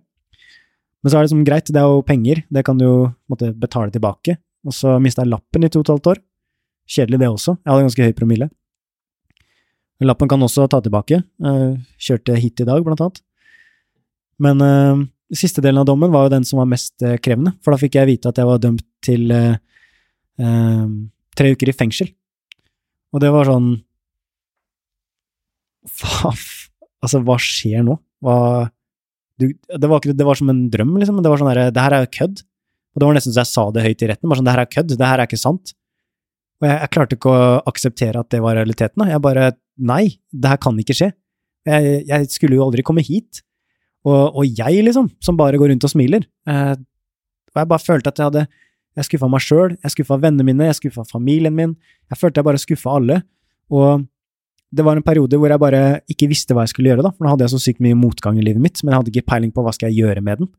Hva, skal jeg gjøre nå? Eneste jeg klarer å tenke på, er den dritten som har skjedd, og så klarer jeg ikke å gi slipp, da. Så var det noen uker før jeg skulle inn i fengsel, som jeg bare husker jeg lå på sofaen og bare Fy faen, jeg skjønner ikke hva jeg skal gjøre. Jeg, jeg tror jeg jeg tror jeg faktisk trenger litt hjelp til det som skjer oppi topplokket her, for jeg vet ikke hva jeg skal gjøre. Og hvis jeg skal være helt ærlig, så følte jeg meg bare som en diger taper, og følte meg bare at altså, Altså, jeg så på vennene mine på sosiale medier, og de bare kommet inn på det studiet, fått seg den jobben og alle de tinga her, og jeg bare Ja, her ligger jeg, masse gjeld opp etter øra, mista lappen og skal inn i fengsel. Ah, fin start på 20-åra. Og liksom tenkte jeg liksom bare Hvor mye kan du fucke opp, liksom? Hva er det neste? Så men jeg husker jeg bare tenkte sånn, vet du, skal jeg prøve å få svar på det her? Og så gikk jeg inn i søkefeltet på YouTube, og så skrev jeg det. Why am I a loser? I søkefeltet. For jeg bare Fuck det her, liksom. Jeg, jeg, visste ikke hva jeg skulle gjøre, så jeg, jeg, gjorde det. Og så kommer det opp en video da, i søkefeltet, som det står det, da. You're not a loser, are you? Spørsmålstegn. Og så tenker jeg sånn, hva er det her for noe, liksom? Det provoserte meg litt, da. Men samtidig så var det jo egentlig det jeg ville få svar på, da. Trykker jeg på den videoen, kommer det en kar, da, kommer ut på en sånn scene, og så bare prater han til en sånn forsamling, da, så sier han sånn Vet du hva tapere gjør? Jeg bare lå der og bare Nei.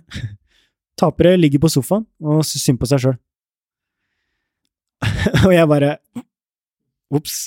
Det, liksom, det var akkurat det jeg gjorde. Jeg lå liksom i liggestilling på sofaen og syntes synd på meg sjøl. Så det var jo liksom check. Det var jo mitt spot on. Og fortalte den videre, da. Ja, tapere de bare tenker på alle de tinga de skulle gjort og burde gjort, men de gjør aldri noe med det. Jeg bare shit, det er jo det er meg han snakker om. Uh, ja, der ser du, der er jeg en taper, da. Men så forteller han da videre, da. Altså, hvordan kan du skifte fokus, da? Hvordan kan du tenke mer som en person som dealer med ting i livet sitt? Hvem har du lyst til å være nå? Og så begynte han å utfordre meg, da. Så ble jeg sånn derre hva er det her for noe? Og jeg hadde, aldri, jeg hadde jo veldig mye støtte da, fra venner og sånn, jeg hadde jo veldig mye gode venner og familie, så de var sånn det her kan skje den beste, og det kommer til å gå over og sånne ting. Og det er jo veldig hyggelig å høre det, og det er veldig takknemlig for at jeg har den støtten, men samtidig så var det sånn, jeg har ikke lyst til å vente på at det her skal gå over. Jeg visste ikke hvor lang tid jeg ville ta, eller sånne ting, jeg ville ha noe som hjalp meg nå, da. Og det han gjorde da, det var at han sa at uh, det du kan gjøre nå, det er at du kan fortsette.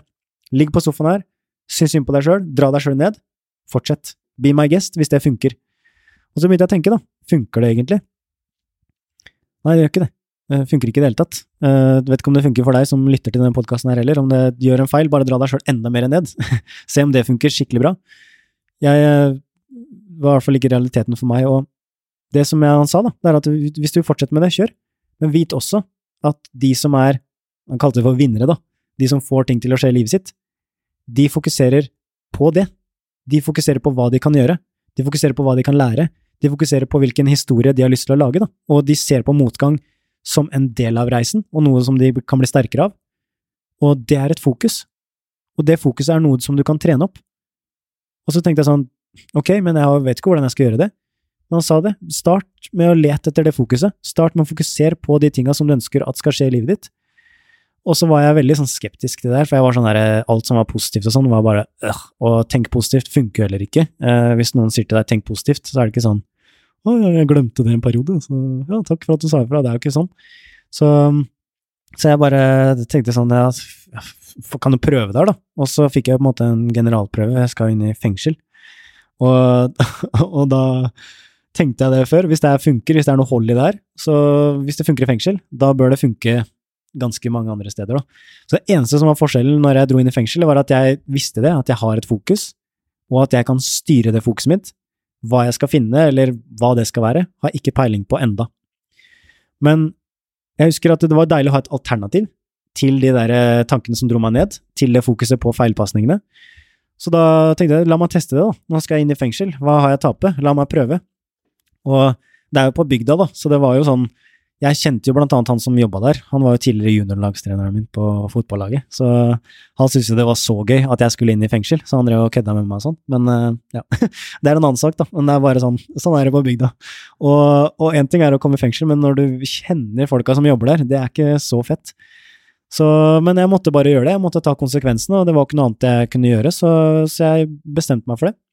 Og da eh, møter jeg opp i fengselet. Jeg bare bestemme meg for at jeg skal fader finne et eller annet å fokusere på som kan hjelpe meg der inne. Jeg vet ikke hva det er, men jeg skal prøve, og så se.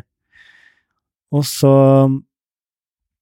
går jeg inn i fengsel der, og så husker jeg bare det, at det var, det var ganske sånn transformerende opplevelse, fordi at jeg gikk inn der, jeg hadde veldig høye skuldre, jeg var veldig redd, eh, fordi at jeg visste jo ikke hva som venta meg der inne, og jeg har sett på Prison Break og sånne ting, da, så det er jo lavsikkerhetsfengsel i Norge, riktignok, men uh, jeg hadde jo ikke peiling, uh, kjente ingen som har vært i fengsel eller sånne ting, så det var min referanse. Så jeg tenkte jo sånn, jeg må jo ikke miste såpa, og liksom, jeg må tenke litt før jeg går inn der, da.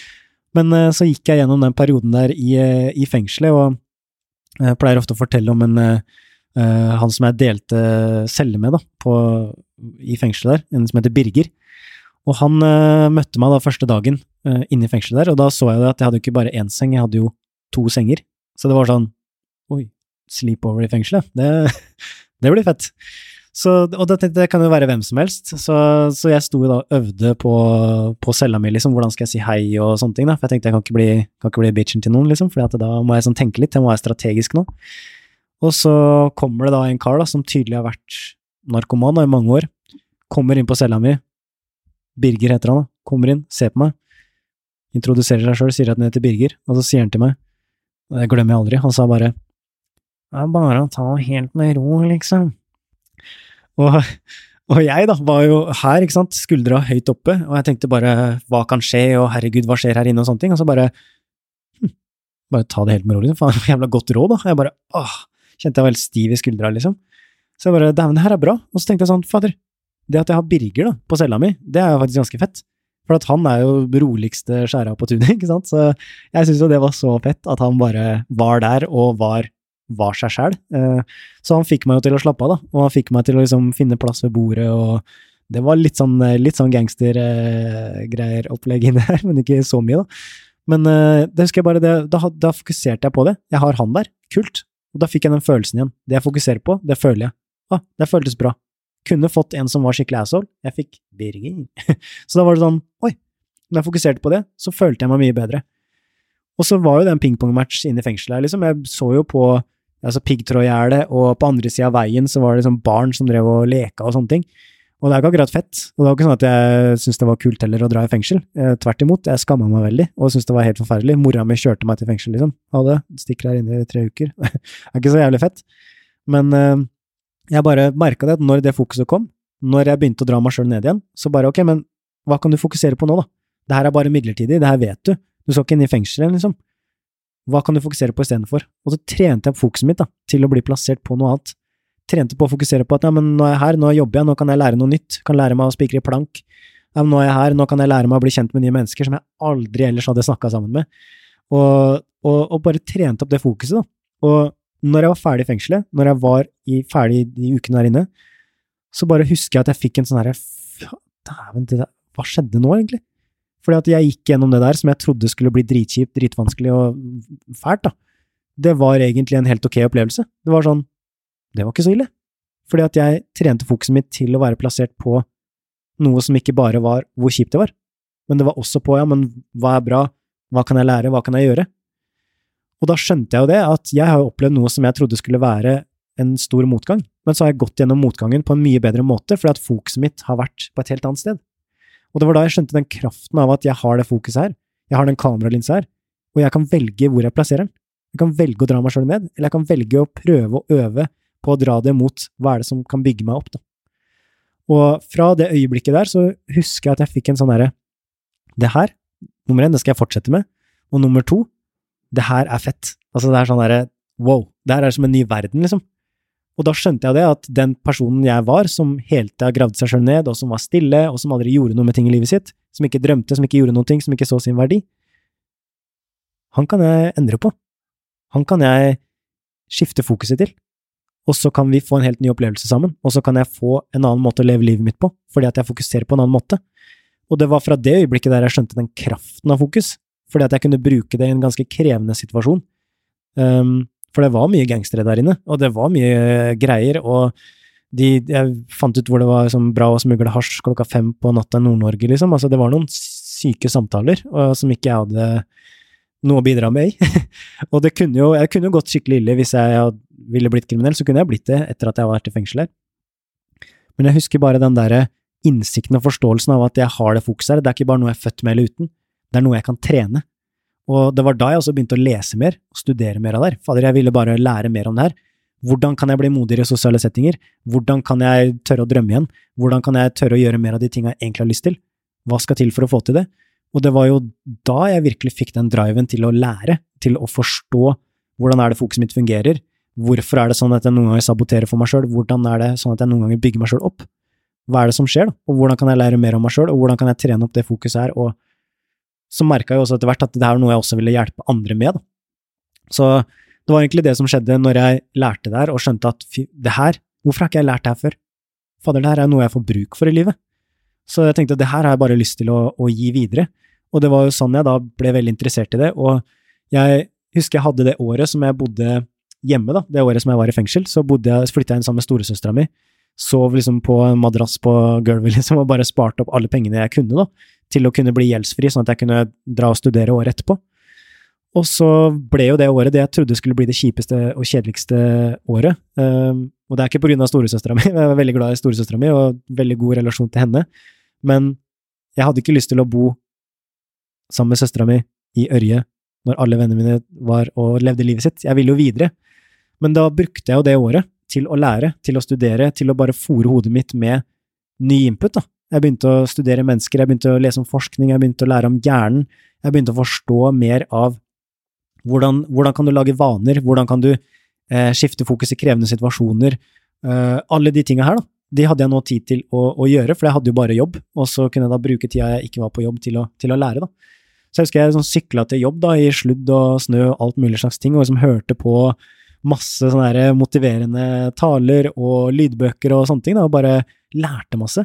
Så det året ble jo egentlig en sånn eh, transformerende opplevelse, det også, for jeg trodde det skulle bli så kjipt, og så ble det til en mer positiv, fordi at jeg skifta fokuset gjennom det, da.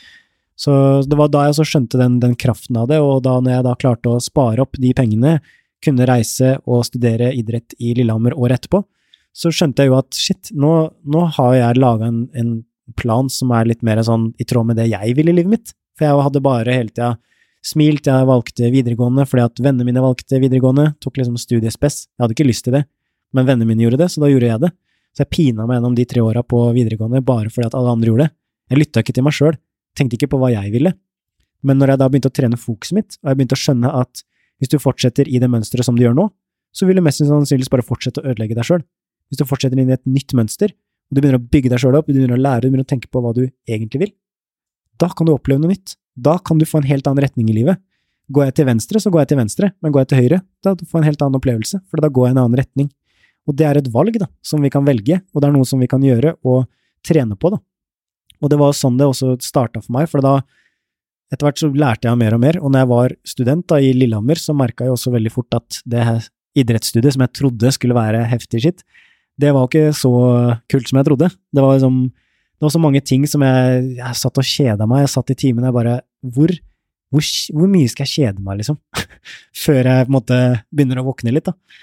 Og så husker jeg vi hadde idrettspsykologi, da, som var et av fagene der. og Det var sånn, åh, det var så fett! Så kunne lære om visualisering og indre dialog og lære om, om, fokus. da. Det var sånn wow, det var dritkult.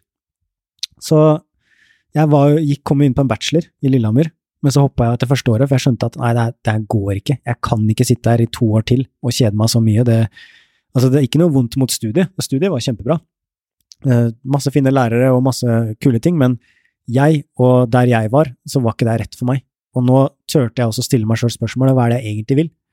Og da når jeg ble ærlig med meg sjøl, det var jo da jeg skjønte at nei, ikke to år til med det her.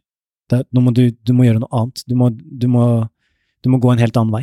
Og da slutta jeg på skolen, Fikk meg jobb i eh, Lillehammer, uh, jobba i barnehage et år, og da sparte jeg penger. Og mens jeg gjorde det, hadde fulltidsjobb, og også når jeg var student, egentlig, da starta jeg da. Så begynte jeg da å blogge om det jeg lærte, om fokus, om mentaltrening og de tinga her. Og det var da jeg også blant annet ble kjent med Anja, for det var intervjua jo Anja til min blogg, og det var jo sånn vi ble kjent, og sånn hun så at jeg hadde en passion for det her. Og hun ble nysgjerrig på meg, da, hvorfor brenner du så mye for det her, hvorfor er det her så viktig for deg? Og så tenkte jeg, og så bare ble jeg kjent med henne. Og så kjente jeg da etter hvert at ja, men hva er det jeg egentlig drømmer om? Og det jeg egentlig drømte om, det var at jeg ønska å leve av å lære bort det her, som jeg hadde lært, om fokus, om Jeg begynte å drømme igjen. Jeg begynte å, begynte å føle at jeg begynte å leve mer av mitt liv, da, sånn som var forenlig med måten jeg ønska å gjøre det. Og det var så kraftfullt for meg, og det var så Det, det gjorde at jeg bare ville dele, da, og, og bare gi videre. Og så ble jo det eh, Jeg planta noen frø, da, på oi, tenk hvis det er mulig å leve av det her. Og jeg husker Anja spurte meg, en av de første tingene hun spurte meg om, var sånn, hva drømmer du om, hva er det du har lyst til å gjøre? Og hun var den første jeg delte at ja, men jeg har lyst til å egentlig holde foredrag og reise litt rundt og kanskje lage en app og ja, finne et team og liksom sånne ting, da. Det var veldig sånn der tona ned. For jeg tenkte herregud, jeg kan ikke gjøre det greiene her, jeg har liksom alltid vært stille og tør jo fader ikke å prate med folk jeg ikke kjenner, liksom, hvordan skal det Foredragsholder, det er jo veldig dumt eh, å være det hvis det er din største frykt, liksom. Men eh, så husker jeg hun bare svarte sånn, kult, hva skal til? Og da var det, da satt jeg der og bare Det der var et bra spørsmål, liksom, hva skal til? Og da begynte jeg å kjøre fokuset mitt på hm, ja, hva skal til for å få til det, da? Og da skjønte jeg det at hvis jeg blir kommer i kontakt med mennesker da, som matcher framtida mi, hvis jeg kommer, lærer ting som gjør at jeg kan bli bedre på å formidle, fortelle en historie, gi det her videre, så er det jo også mulighet for å kunne leve av det. Så det, det sådde noen frø inni meg, og så var det jo fantastisk å ha Anja der som en mentor. Så hun lærte meg jo det her med storytelling, og vi brukte også mye mentale teknikker på meg og måten jeg jobba med foredrag, for eksempel. Så vi hadde, sånn her, vi hadde en fokusoppgave, da, hva er det som er viktig for deg i dag? Eh, vi hadde evaluering i etterkant, ok, eh, hvilke tre ting fungerte bra, hvorfor? Hva er én ting du kan gjøre bedre neste gang, og hvordan kan du gjøre det? Så da begynte vi å bruke sånne mentale teknikker da, som hun hadde brukt på, på landslag og sånne ting. Det brukte jeg da til, til, foredrag, til formidling, til å bli bedre på en ferdighet som jeg ønska å utvikle, da, som var å, å, å, å, gi det her videre. Da. Så det var egentlig det det var, og jeg drømte om å gi det videre, og så så jeg at det å holde foredrag, det å ha en app og alle de tinga her, det er noe som hjelper meg med å gjøre mer av det. da. Så, og det var jo da jeg også begynte å jobbe en del sammen med Anja. Hun begynte å invitere meg ned til Larvik. Jeg bodde da i Lillehammer, og det er jo da fire timer én vei. Men jeg dro gledelig ned da, og jobba sammen med Anja. Uh, fire timer opp, fire timer ned, uh, selv om jeg hadde jobb dagen etterpå, fordi at det var så gøy, da. Og jeg kunne være med der, jeg kunne studere ho, hvordan er det de gjør det. Jeg kunne lære hvordan de jobba med Larvik håndballklubb når de var på toppnivå i verden. Fikk være med å se på kamper, fikk være med på veldig mange kule ting, da. Og da ble det til at jeg bare wow, og så begynte jeg å se mer og mer av hva som faktisk skal til. For hun også jobba med formidling, hun holdt foredrag, hun hadde Fearless-konseptet sitt som hadde starta. Og så begynte jeg å se at det er faktisk noen spor her, og det er noen ting som jeg også kan lære, da. Og da skjønte jeg også det, hvis jeg begynner å være en som lærer, så er det også mye lettere for meg å gjøre de tinga her, for jeg trenger å lære meg, jeg kan ikke være allerede god i det her. Og det var kanskje noe av det som var vanskelig i starten, at jeg var skikkelig ræva i starten, og det å husker jeg sendte videoer til Anja og sånne ting med de første gangene jeg formidla. Fy, det var kleint, ass! De første foredraga som jeg inviterte Anja, og så en veldig god venn av meg som heter Ivar Haugstad, som er sosialantropolog, da. Så jeg inviterte dem med til å studere meg når jeg holdt foredrag. Holdt noen foredrag for, uh, for russen en gang, husker jeg, og så bare sto vi der, og så skulle de satt de på sida, og så satt liksom Eh, to-tre-hundre ungdommer der, da, og så fortalte jeg historien min, og så på veien hjem da, så satt vi liksom og prata om ja, hva fungerte bra i dag, og hvorfor funka det, ja, hva kunne vi gjort annerledes og sånn, da. Og det var jo det var krevende, det, la meg si det sånn, men jeg tenkte sånn, vet du hva, det er bare, nå er det bare spist eller spis eller bli spist, og eh, sink or swim, så jeg bare tenkte nå skal jeg bare lære, nå skal jeg bare ta vekk den der at jeg skal klare alt og være perfekt, nå skal jeg lære, nå skal jeg være student, nå er det wax on, wax off som gjelder, og så skal jeg fader i meg bli rå på formidling, sånn at jeg en dag kanskje kan leve av det.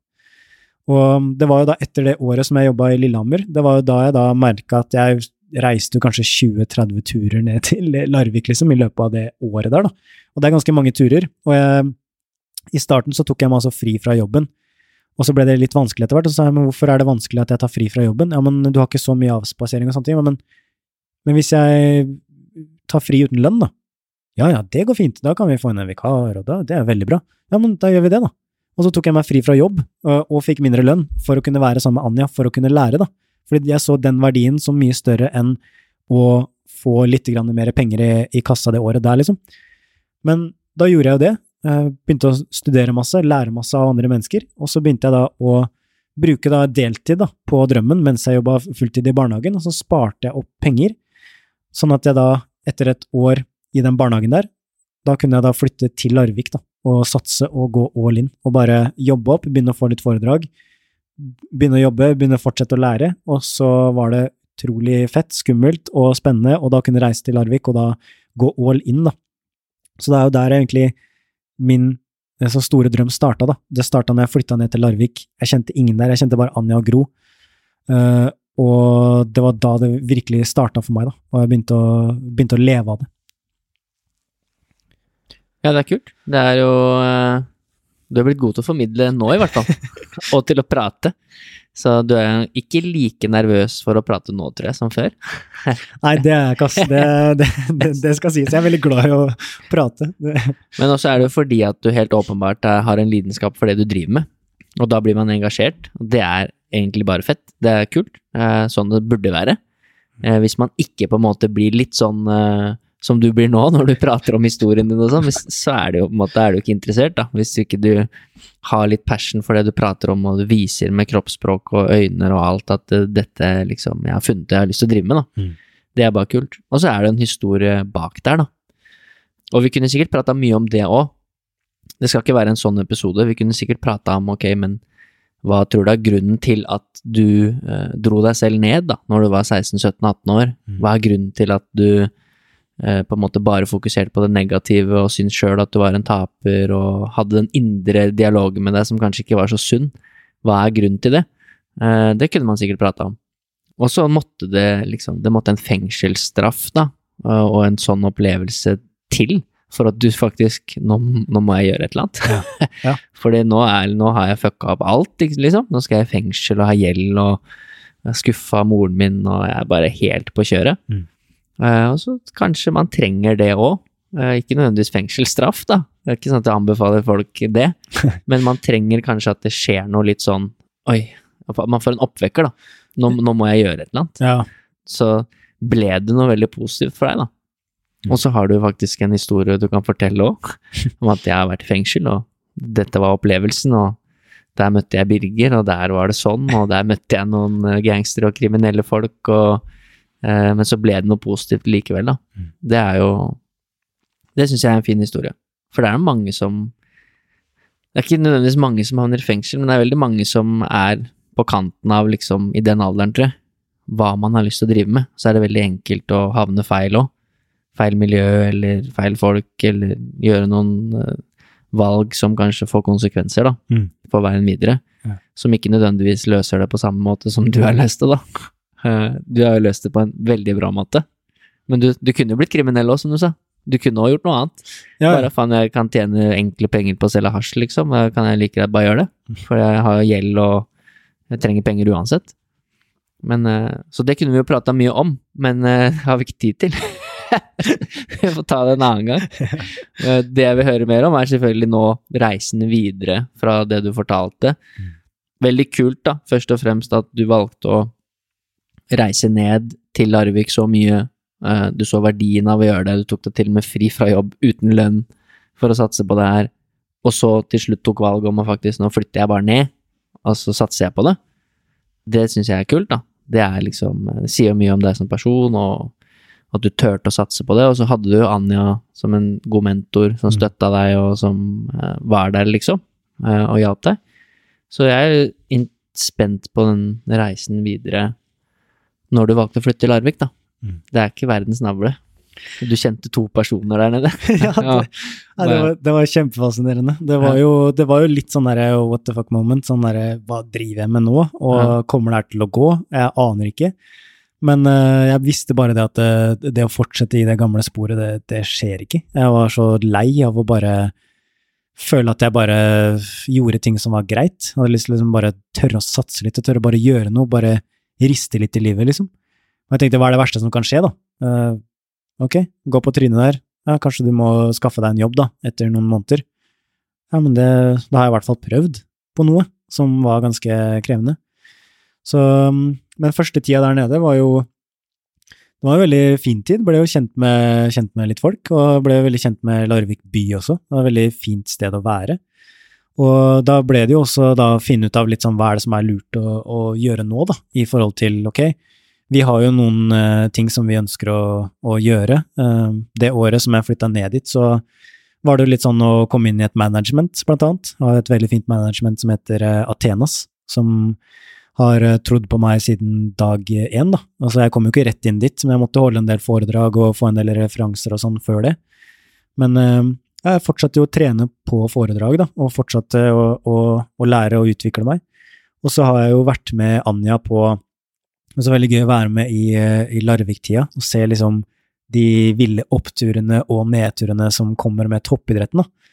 Og hvor mye, mye plass det kunne ta i et liv, da, å drive med en idrett. Eh, Det var utrolig fascinerende.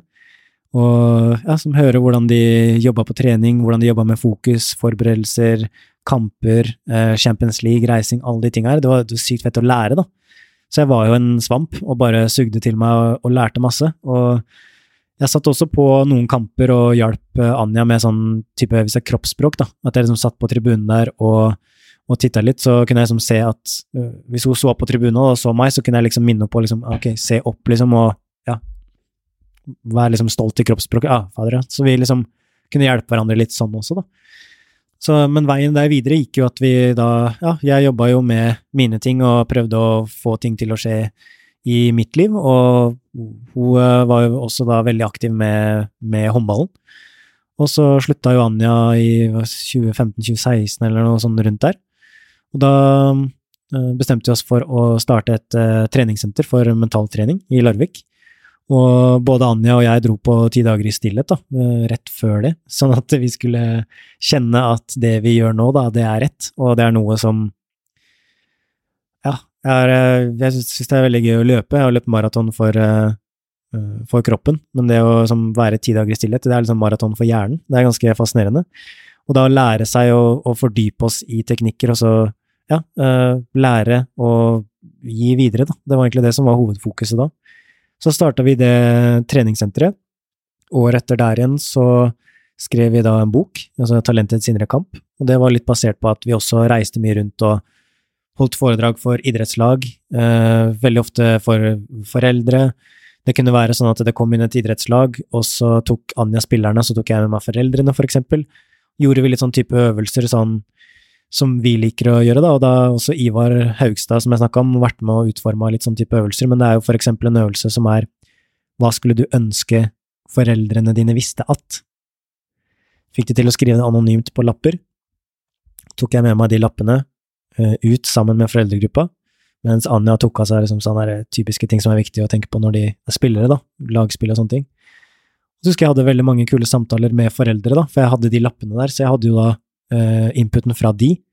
Og så starta jeg da med å spørre dem ja, hva, hva tror dere de har skrevet på de lappene her? Og da var det sykt fascinerende å se hva de trodde, versus hva de svarte. Og da svarte jo de foreldrene at jeg tror kanskje at eh, ja, kanskje litt mye på skolen og sånn noen ganger, og litt sånne ting. Men så kom det jo helt andre ting på de svara. Da var det jo sånn Noen skrev at eh, jeg skulle ønske foreldrene mine visste at jeg prøver mitt beste. Jeg skulle ønske foreldrene mine visste at jeg skulle ønske de var der ofte på kampene. Jeg skulle ønske foreldrene mine visste at jeg egentlig ikke har lyst til å spille håndball lenger, for eksempel. Altså, det var så ærlig, det var så ekte svar, da. Og så var det så spennende å ta opp de tematikkene der og snakke da med, med foreldre, da, og liksom snakke om at det her er noe som de faktisk opplever. Og, og ja, noen syntes det også var mye, men veldig mange hadde helt andre ting, da. Og det også viste jo litt den der nysgjerrigheten på den gruppa som du har, da. Hva skjer da når vi begynner å stille hverandre sjøl nye spørsmål? Når vi begynner å lære hverandre å forstå bedre? Hva er det som dukker opp da? Og, og, så hadde vi jo en del grupper, vi reiste rundt på ganske mange foredrag, vi stilte ofte sånne her type spørsmål og ble kjent med både spillere og, og trenere. Og det var jo sånn til slutt at vi merka at vi ønska å kunne lage et type verktøy da, som er til både spillere og trenere og, og de som er rundt, da, så vi bestemte oss da for å skrive en, eh, en, bok som vi da valgte å kalle for Talentets indre kamp, da, hvor vi så at det var så mange unge talenter som Altså, de hadde så mange ting da, som de, som de syntes var vanskelig, men så hadde de ikke noen strategier for å deale med det. Så det var da vi begynte å skrive, samle de historiene, da, og så gjøre det om til en, en reise, da, hvor, hvor, da du møter en hovedkarakter som heter Christian, da, som er veldig sånn, han har høye forventninger, han driver og sammenligner seg sjøl med de beste, og blir med på foredrag, da. Anja holder et foredrag, Heidi Løke kommer, og så kommer de med budskap, da, og så blir de tatt med på refleksjoner til, til da hoved, hovedpersonene. Og så er det også, og det er egentlig bare sånn for å sette ord på, da, de tinga som de syns var vanskelig. Hvordan deale med forventninger, hvordan deale med den samtalen på bordet etter at du har tapt, hvordan deale med konkurranse, skader, og så ville vi da lage det verktøyet, da. Så da skrev jeg den boka der. Det var veldig gøy å skrive, og jeg husker jeg fikk blant annet gjennom den boka der være med på God morgen Norge, blant annet, og det var sånn derre wow! Eh, jeg ble litt skuffa, fordi jeg har vokst opp med God morgen Norge, og hun eh, Wenche, som lager mat, eh, har jeg jo bare sett veldig opp til, og lager så mye god mat. Men hun var ikke der akkurat den uka der, så jeg bare no! Så jeg tror jeg må skrive en ny bok snart, sånn at jeg får møtt eh, Wenche mens hun fortsatt er der. Men jeg kan jeg si at uh, boka er å anbefale, da. Å lese den ligger foran deg på bordet der. Litt nedstøva, for det er lenge siden jeg har lest den. Støv her, jeg vet ikke hva støv er. Men jeg leste den jo med en gang han kom ut, mm. og det er en veldig fin bok. Jeg, som jeg sa til deg, jeg visste jo ikke at du uh, var involvert i den. Nei, jeg er jo da medforfatter, så jeg er jo ikke hoved, hovedforfatter, er jo Anja. Og så var jeg med på ja, storytellinga og samle historiene og ja, formulere en del av uh, budskapet da, i boka. Ja, veldig fin bok. Jeg husker jeg, jeg fikk mange fine refleksjoner rundt det, noen tanker, da. Mm. Eh, og som du sier, det er Jeg tror det er, det er mange som har vært, og som er i den situasjonen som han eh, hovedkarakteren Christian er i, da. Mm. Som har de følelsene og tankene og, og disse forventningene til seg sjøl, og føler på press, og at ting er vanskelig, og Mm. uh, kanskje ikke helt tør å sette ord på det, da. Så veldig fin bok. Mm. Bra konsept, og, Ja. og litt om åpent, da. Uh, men hva hva er veien videre, da? Dere, du skrev bok, du holdt foredrag, du flytta til Larvik, ble kjent med folk, du fikk være med litt innad i Larvik som var på slutten av sin storhetstid der, kanskje. Mm. Vi gikk jo veldig ned, den båten sank jo etter at eh, Gro og Anja egentlig ga seg, og de gikk konkurs, det var mange ting, da. Mm. Men da, den sank jo. Mm. Eh, så tok Vipers over, men eh, sikkert veldig sånn, som du sa, lærerikt og kult å få være med i den prosessen, både når det gikk skikkelig bra, og når det gikk ikke så bra lenger. Ja, det var kjempe, kjempespennende, og det er jo en del av idretten òg, da. Du har de der eh, ville oppturene, og så har du bare de ville nedturene. Og noen får kjenne det litt mer enn andre, og ja, nei, det var eh, superfascinerende, så da var det jo, ja, det, var jo da cirka rundt eh, 2019, altså 2020 kommer, eh, begynner å få flere og flere foredrag, Eh, og så begynner det liksom å kjenne på den der følelsen av at vi skulle ønske at vi kunne gi folk noe mer, da, når de har enten vært på et foredrag eller ja, at vi kan lære litt mer videre. Så det var jo da 2020, det var jo da berømte koronaen eh, kom. Og da starta vi jo det konseptet som heter um, Team Fearless den gangen. Det var også et kjempeartig prosjekt. Da samla vi da de beste håndballspillerne i i Norge, som da fikk lov til å dele da, med unge håndballspillere sine beste tips for å ja, jobbe med mindset, jobbe med fokus, hva er det de har gjort for å lykkes. Og vi fikk bare så mange kule historier da, fra de, de håndballspillerne. Og det vi så også da, det var jo at alle hadde jo eh, forskjellig historie. Altså, det var så fett. Det var liksom, hva er det som er fellesnevneren? Det er egentlig én fellesnevner, det er at alle sier at de gjør det fordi de syns det er gøy, men måten de har kommet dit, hvor de har kommet på landslaget eller spiller på verdens beste klubblag eller sånne ting, det har vært gjennom forskjellige ting, da. Noen har gått på skole, noen har ikke gått på en sånn type skole, noen har sett masse håndball, noen har nesten ikke sett noe på håndball. Altså, det var så fett å se den reisen der, da, og se liksom hvor mange forskjellige veier det er til rom, og hvor mange måter det kan gjøres på, da, og lykkes, og følge drømmer, og få til store ting i livet. Det er ikke noe som er skåret ut i stein, eller at det er noen som har fasiten, men det er noe som alle har muligheten til å lage sin historie på, da. Så Og der er det jo litt eh, fint at du også kan gi deg selv en klapp på skulderen for det du har fått til. For du har jo fortalt om din reise nå så langt, og du er jo ung, du har så vidt begynt med arbeidskarrieren din, men fått til mye allerede, og ikke minst turt å satse på din drøm, satse på det du har lyst til å satse på. Mm. Eh, Det er jo akkurat det du nevner der, det er jo det som er hele motivasjonen for min pod. Fordi at jeg har møtt så mange mennesker som har gjort det veldig bra innenfor det de driver med, eller som har en eller annen spesiell historie, har gått gjennom en sykdom eller en skade, eller har vunnet eh, olympisk gull, hva det måtte være, da. mm. Eh, og det er som du sier, alle historiene er forskjellige. Eh, noen har blitt verdensmestere, men på forskjellige måter, på forskjellige idretter, på forskjellige stadier. Noen har vært unge, noen har vært eldre. Noen har slått gjennom når de var 16-17, noen har ikke slått gjennom før de var 30. Eh, så det er som du sier, det er det som jeg syns er fascinerende òg, med historiene. Det er ikke alle som har krasja og sittet i fengsel, og så var det det som var en av grunnene til at nå må jeg begynne å ta tak i ting. Eh, andre har kanskje gjort det på en helt annen måte. Mm. Men du har turt å følge drømmene dine, da. Eh, og det som jeg uh, syns var veldig kult, som du nevnte i stad, var at eh, du syntes det var kjedelig å gå på skolen. Eh, du pina deg gjennom videregående. Du pina deg gjennom et år på idrettsbachelor eh, før du sa at det her, det går ikke, liksom. Jeg kan ikke fortsette to år til med å kjede meg og ha det kjipt og ikke synes at det er noe fett, da. Og jeg tror det er noe i det.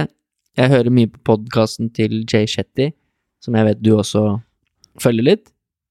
Og han sa noe faktisk i en pod som jeg hørte i går, hvor han, hvor han sa på en måte, for å oversette til norsk, da, at uh, vi mennesker skaper frustrasjon uh, i oss selv uh, hvis vi velger å ikke søke kompetanse i det vi egentlig har lyst til å vite mer om, da. Mm. Og det tror jeg er veldig sant. At mange ville jo kanskje bare fullført det studiet, selv om det var kjedelig. og så er du Kjeder du deg, du blir frustrert, det du egentlig har lyst til å gjøre, det får du ikke tid til. Du måte, følger ikke din passion i det hele tatt, du gruer deg til eksamen, alt er kjipt, du orker nesten ikke å åpne boka engang for å lese om det emnet, Mm. for det er så kjedelig. Så det, jeg tror er noe i det, at man skaper frustrasjon. Men det som skapte inspirasjonen hos deg, var at du dro til Larvik, du møtte Anja, du kjørte fire timer opp og ned, du tok fri fra jobb, eh, fordi at det ga deg inspirasjon. Og da er jo det du, akkurat det du gjorde, da. Du søkte kompetanse, inspirasjon innenfor noe du var lidenskapelig opptatt av. Yes. Eh, men du kunne også valgt det andre, som dessverre er ganske vanlig. Ja, og det, og det er det som er så fascinerende nå, for det, det var jo det jeg begynte å reflektere rundt, da, hvis jeg fortsetter i den veien her, hvordan vil livet mitt bli da? Og så bare kunne jeg se for meg at, å herregud, så kjedelig liv. Bare sånn, for, til hvilken pris da? Og så begynte jeg å se for meg, ja, men tenk hvis jeg hadde gjort det helt det her da, aner ikke hvordan jeg skal gjøre det, aner ikke hvordan det skal skje, men sånn som Anja sier, hva hvis det er mulig da? Og da kjente jeg på den derre, wow, det der, det der er en historie som jeg er gira på å være med på å skape, da. Så, så det var jo en ting som altså Tusen takk for fine ord. Det, det, setter, det betyr veldig mye, og spesielt for sånne ting som det er, for jeg vet også hvor kraftfullt det er når du tør å drømme igjen, og du tør å være ærlig, og du tør å stille deg selv spørsmål hva er det jeg egentlig vil? Og, og jeg tror det er det som også har vært med på å gi den der drivkraften til å, som du sier, da, søke kompetanse innenfor det du virkelig vil. Altså, det er jo da man også får troen på at ting er mulig. Men grunnen til at jeg ikke trodde at jeg kunne bli foredragsholder, at jeg kunne lære Anja, for eksempel, før, det var fordi at jeg trodde jo ikke at det var mulig in the first place. Men jeg har vokst opp på bygda, jeg er sånn fra Ørje, eller litt et sted, jeg kan ikke få til noe som helst. Og når du lager den historien, da, da lager du en kjempesvær stein i veien. Og, og da er det vanskelig å bevege seg på den veien, men det jeg skjønte, det er jo at hvis jeg gir litt slipp på det, da, og bare begynner å åpne opp for, leke med tanken om hva hvis det er mulig, og hva skal til, da, og hvordan kan jeg få ting til å skje i mitt liv, så, så var det jo i den utforskinga der at jeg også så hvordan veien ble til. Og det var jo også i den, vei, den måten der å tenke på å leke med utforsk og jeg satte meg ned og skrev liksom 'dette drømmer jeg om', og så skrev jeg ned alle mulige slags ting jeg kunne gjøre for å få det til.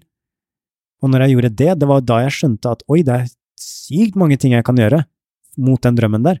Og så har jeg bare, jeg har bare ikke gjort det, jeg har ikke utforska det. Så hvordan i alle dager skal man tro på at det er mulig? Hvorfor i alle dager skal man tro på at det her er noe jeg kan gjøre? Jeg kan ikke gjøre meg sjøl klar før jeg har lært, forstått, utforska, fått jobba med noe over tid, da. Og det tror jeg også er sånn viktig at man vet jo heller ikke alltid før man starter. Ja, men hva vil jeg? Det er ikke sikkert du veit det i det hele tatt, men da vil jeg anbefale å følge, følg interessen din, og følg gnisten din. Følg, følg den derre åh, det der hadde vært litt kult, det hadde vært litt fett å teste ut det her. Ja, men gjør det, da. For hvis du tar et valg ut ifra hva er det jeg egentlig vil, og hva er det som ville vært kult for meg, så har du et mye bedre grunnlag for å få en bedre retning fra start, da. Og det var det jeg skjønte, at når jeg begynte å utforske de tinga som jeg syntes var spennende, så, så begynte jeg også å kjenne at de valga jeg tok Jeg har også hørt en del på Jay Shetty, og han sier også det at hvordan er det du vet at du har funnet en drøm som du virkelig vil gå for, da? Og da sa han at mange fokuserer på de positive aspektene, men hva, hva skjer i det øyeblikket du finner noe som du er villig til å kjempe for? Sånn, hvis du finner noe du er villig til å legge ned de timene for, legge ned den innsatsen, legge ned de, den tiden det er å trene istedenfor å dra ut og feste, for eksempel. Da. Hvis du merker at det er noe du har lyst til, ja, da er det kanskje, da er du inne på et spor, fordi du er villig til å Altså, noen kaller det for ofre, jeg kaller det mer for å prioritere. Prioritere det som er viktig. Og ja, man kan se på det som å ofre noe, men for meg så handler det mer om jeg prioriterer dette fordi det er mer i tråd med det jeg vil, versus det å ja, men da får jeg jo ikke festa like mye, eller da får jeg ikke gjort like mye av det. Nei, det er kanskje sant, men hva er det du får gjøre mer av, da, fordi at du velger det nye om og om igjen? Og, og, så, og så er det jo sånn at hvis man går på trynet òg, noen øh, øh, utøvere som jeg snakka med, som dratt til utlandet, liksom yes, det er den store drømmen, og så bare men det var ikke det her jeg ville, eller møtte en trener som bare var asshole, og så bare ble det ikke den opplevelsen du ville i det hele tatt, så betyr ikke det at du har feila. Ja, det er kjipt, ja, det er vondt, ja, det er vanskelig når det skjer, men da, da lærer du noe vilt mye, og ofte så er det bedre å ta det valget og se tilbake på at jeg gjorde det, jeg utforska det, jeg gikk for det, istedenfor at du som du sa i stad, da vi snakka sammen, sånn 15 år senere, tenk om du ser tilbake på det og tenker åh, tenk hvis jeg bare hadde gjort det, da. Det er mye kjipere følelse, for det er vanskelig å gjøre noe med, men det er sånn, det å, det å tørre å gå for ting, da. Det er noe som ofte er veldig skummelt, men det er også det som ofte kan gi deg den kraftigste belønningen, da, fordi du kjenner at du er på en vei som føles bra for deg, og du er du lever mer i tråd med verdiene dine, det som føles bra for deg. Da. Og for meg så er det en mye større suksess enn ok, du får det resultatet. Eh, hvordan føles det når du får det resultatet? Er det noe som føles bra for deg? Er det noe som er viktig for deg? Er det noe som du kjenner at ja, det gir meg en deilig mestringsfølelse, og det er bare sånn ah, det er fantastisk. Yes! Det er seier. Men jeg får det resultatet, og jeg kjenner fortsatt på høye skuldre, jeg føler fortsatt at jeg må bare jage, jage, jage, og sette lista høyere, høyere, høyere, jeg blir aldri fornøyd. Hmm, jeg er ikke så imponert av det. Altså, for meg så er det en suksess som eh, som ofte er veldig krevende, da. Og, og jeg syns jo at de som virkelig lykkes, er også de som klarer å bevare sin integritet, og de klarer å bevare det som er viktig for dem. Og det er ikke noe som er enkelt, og det er også, det har jeg også bare lyst til å si at mange av de tingene som jeg snakker om, det er ikke enkelt, men det er verdt det. Hvis man bare skal gjøre ting som er enkelt, altså da kunne jeg jo prøvd å Da kunne jeg snakka om hvordan det er å spise en plate med melkesjokolade, liksom. Det er enkelt. Men hvis jeg bare gjør det hele dagen, så blir jeg kvalm. Så det er sånn der å finne verdien i det som er vanskelig, finne verdien i å gå utafor komfortsona, utforske det du har lyst til å finne ut av, og tørre å bruke tid på det. Fordi at eh, sånn som det er nå, så er vi ofte Vi har jo ofte mastergrad i å studere andre, men vi har null innsikt i hva er det vi vil.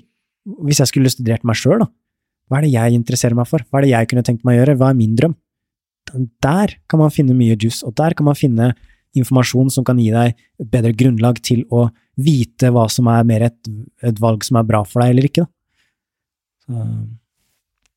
Det er fine refleksjoner, mm. eh, og jeg er helt enig. Eh, men det er ikke enkelt, for det første. da. Det er viktig å påpeke at eh, da hadde jo alle gjort det. Hvis det hadde vært enkelt å følge drømmen sin, eller enkelt å velge noe som kanskje ikke vennene dine velger, eller som veldig få andre gjør, da hadde alle gjort det, da. Men det, jo, det, stammer nok litt tilbake til det du var inne på i stad, at det å skille seg ut i utgangspunktet er vanskelig for oss mennesker, da. Hvis du skal være den ene som går ut av liksom stammen, eller Det er jo ikke enkelt, det. Så, sånn er det jo her også, at man Men jeg tror òg, som du er inne på, hvis du, hvis du føler veldig sterkt og ofte på at du ofrer noe, så tror jeg heller kanskje ikke at du er inne på riktig vei, da. Mm. Hvis du liksom hver gang dropper en fest, eller hver gang ikke er sosial, føler at ja, faen så kjipt, jeg skulle gjerne vært der, og du føler skikkelig på at du ofrer noe, så vet jeg heller ikke om du er på rett vei, da, fordi hvis du spør Jeg har snakket med så mange nå som har oppnådd store ting. Det er veldig få av de da, som for eksempel har blitt en av de beste håndballspillerne i verden, da. Eller eh, Kristin Holte, som du hørte på, som har blitt en av de beste i crossfit i verden. Det er ingen av de som sier at de føler at de har gått glipp av så mye. Det er ikke sånn at de sitter og er fader, det var egentlig jævlig kjipt å gå for drømmen. Jeg skulle egentlig vært på alle de festene og De føler ikke at de har gått glipp av noe. Og sånn var det for meg òg når jeg begynte som fystrener og droppa en del fester for jeg satt hele hjemme og lagde program programmering og for at jeg skulle opp tidlig dagen etter og sånn. Jeg følte jo ikke at jeg gikk glipp av noe. Kanskje gjør man det selvfølgelig når man er ung og liksom Ja, det har vært kult å være der hvor kompisene er, og de sender bilder av de fester og sånn, men etter hvert så kjenner man at men jeg vil heller gjøre det her. Mm. Jeg vil heller sitte hjemme og lage den podkastepisoden her, eller lage dette programmet, eller hva det enn måtte være du driver med, da da tror jeg du er inne på noe på en bra vei, da. Mm. Og, det, og det er akkurat det jeg kjente på. Det var sånn det var det som var veldig rart for meg, for jeg begynte jo da å lese, lese bøker og begynte å se på sånne YouTube-videoer som var sånn 45 minutter og sånn. Jeg pleide bare å se på kattevideoer og sånn. Men uh, så da 45 minutter med en sånn gammel gubbe som snakker om uh, livsvisdom og sånne ting. Jeg bare Herregud, hva er det som skjer nå, liksom? Det er jo helt sjukt. Altså, hvis jeg hadde beskrevet det, liksom, ja, skal du være med ut i dag, liksom? Nei, jeg har lyst til å sitte og se på den YouTube-filmen her, som varer 45 minutter, og ta notater til den. det er sånn derre What? Det var veldig sånn derre og, og, det var jo rart for gutta, ikke sant. Jeg husker jeg var i Lillehammer der, så var det jo sånn det var jo sånn, Jeg var jo alltid med og spilte Fifa, og så når jeg begynte da å studere mer og mer, fikk mer og mer passion for det jeg egentlig syntes var spennende, og begynte å si nei til Fifa, altså det var jo også krevende, syns jeg, da. Å liksom stå opp for det, da. Altså, de første gangene bare sånn Hæ, hvorfor skal du ikke være med? Første gangene så sa jeg kanskje sånn Nei, jeg bare kødda, jeg blir med. Men etter hvert så kjente jeg at nei, men jeg kan ikke, jeg kan ikke bruke tida mi på det her. Jeg vil, som du sa, jeg vil bruke tida mi på å studere og lære og gi videre, fordi at det er det som jeg kjenner at gir meg gnist, da. Kjører til Larvik eh, fire timer hver vei. Ja, ikke sant? Så det er liksom Og, og det er sånn der, og- Men for meg så var det bare den største selvfølge. Det var bare sånn Ja, men jeg, jeg bare gjør det her. Det er akkurat hvis du hadde følt hver gang du kjørte til Larvik at herregud, liksom, skal jeg kjøre helt ned til Anja nå?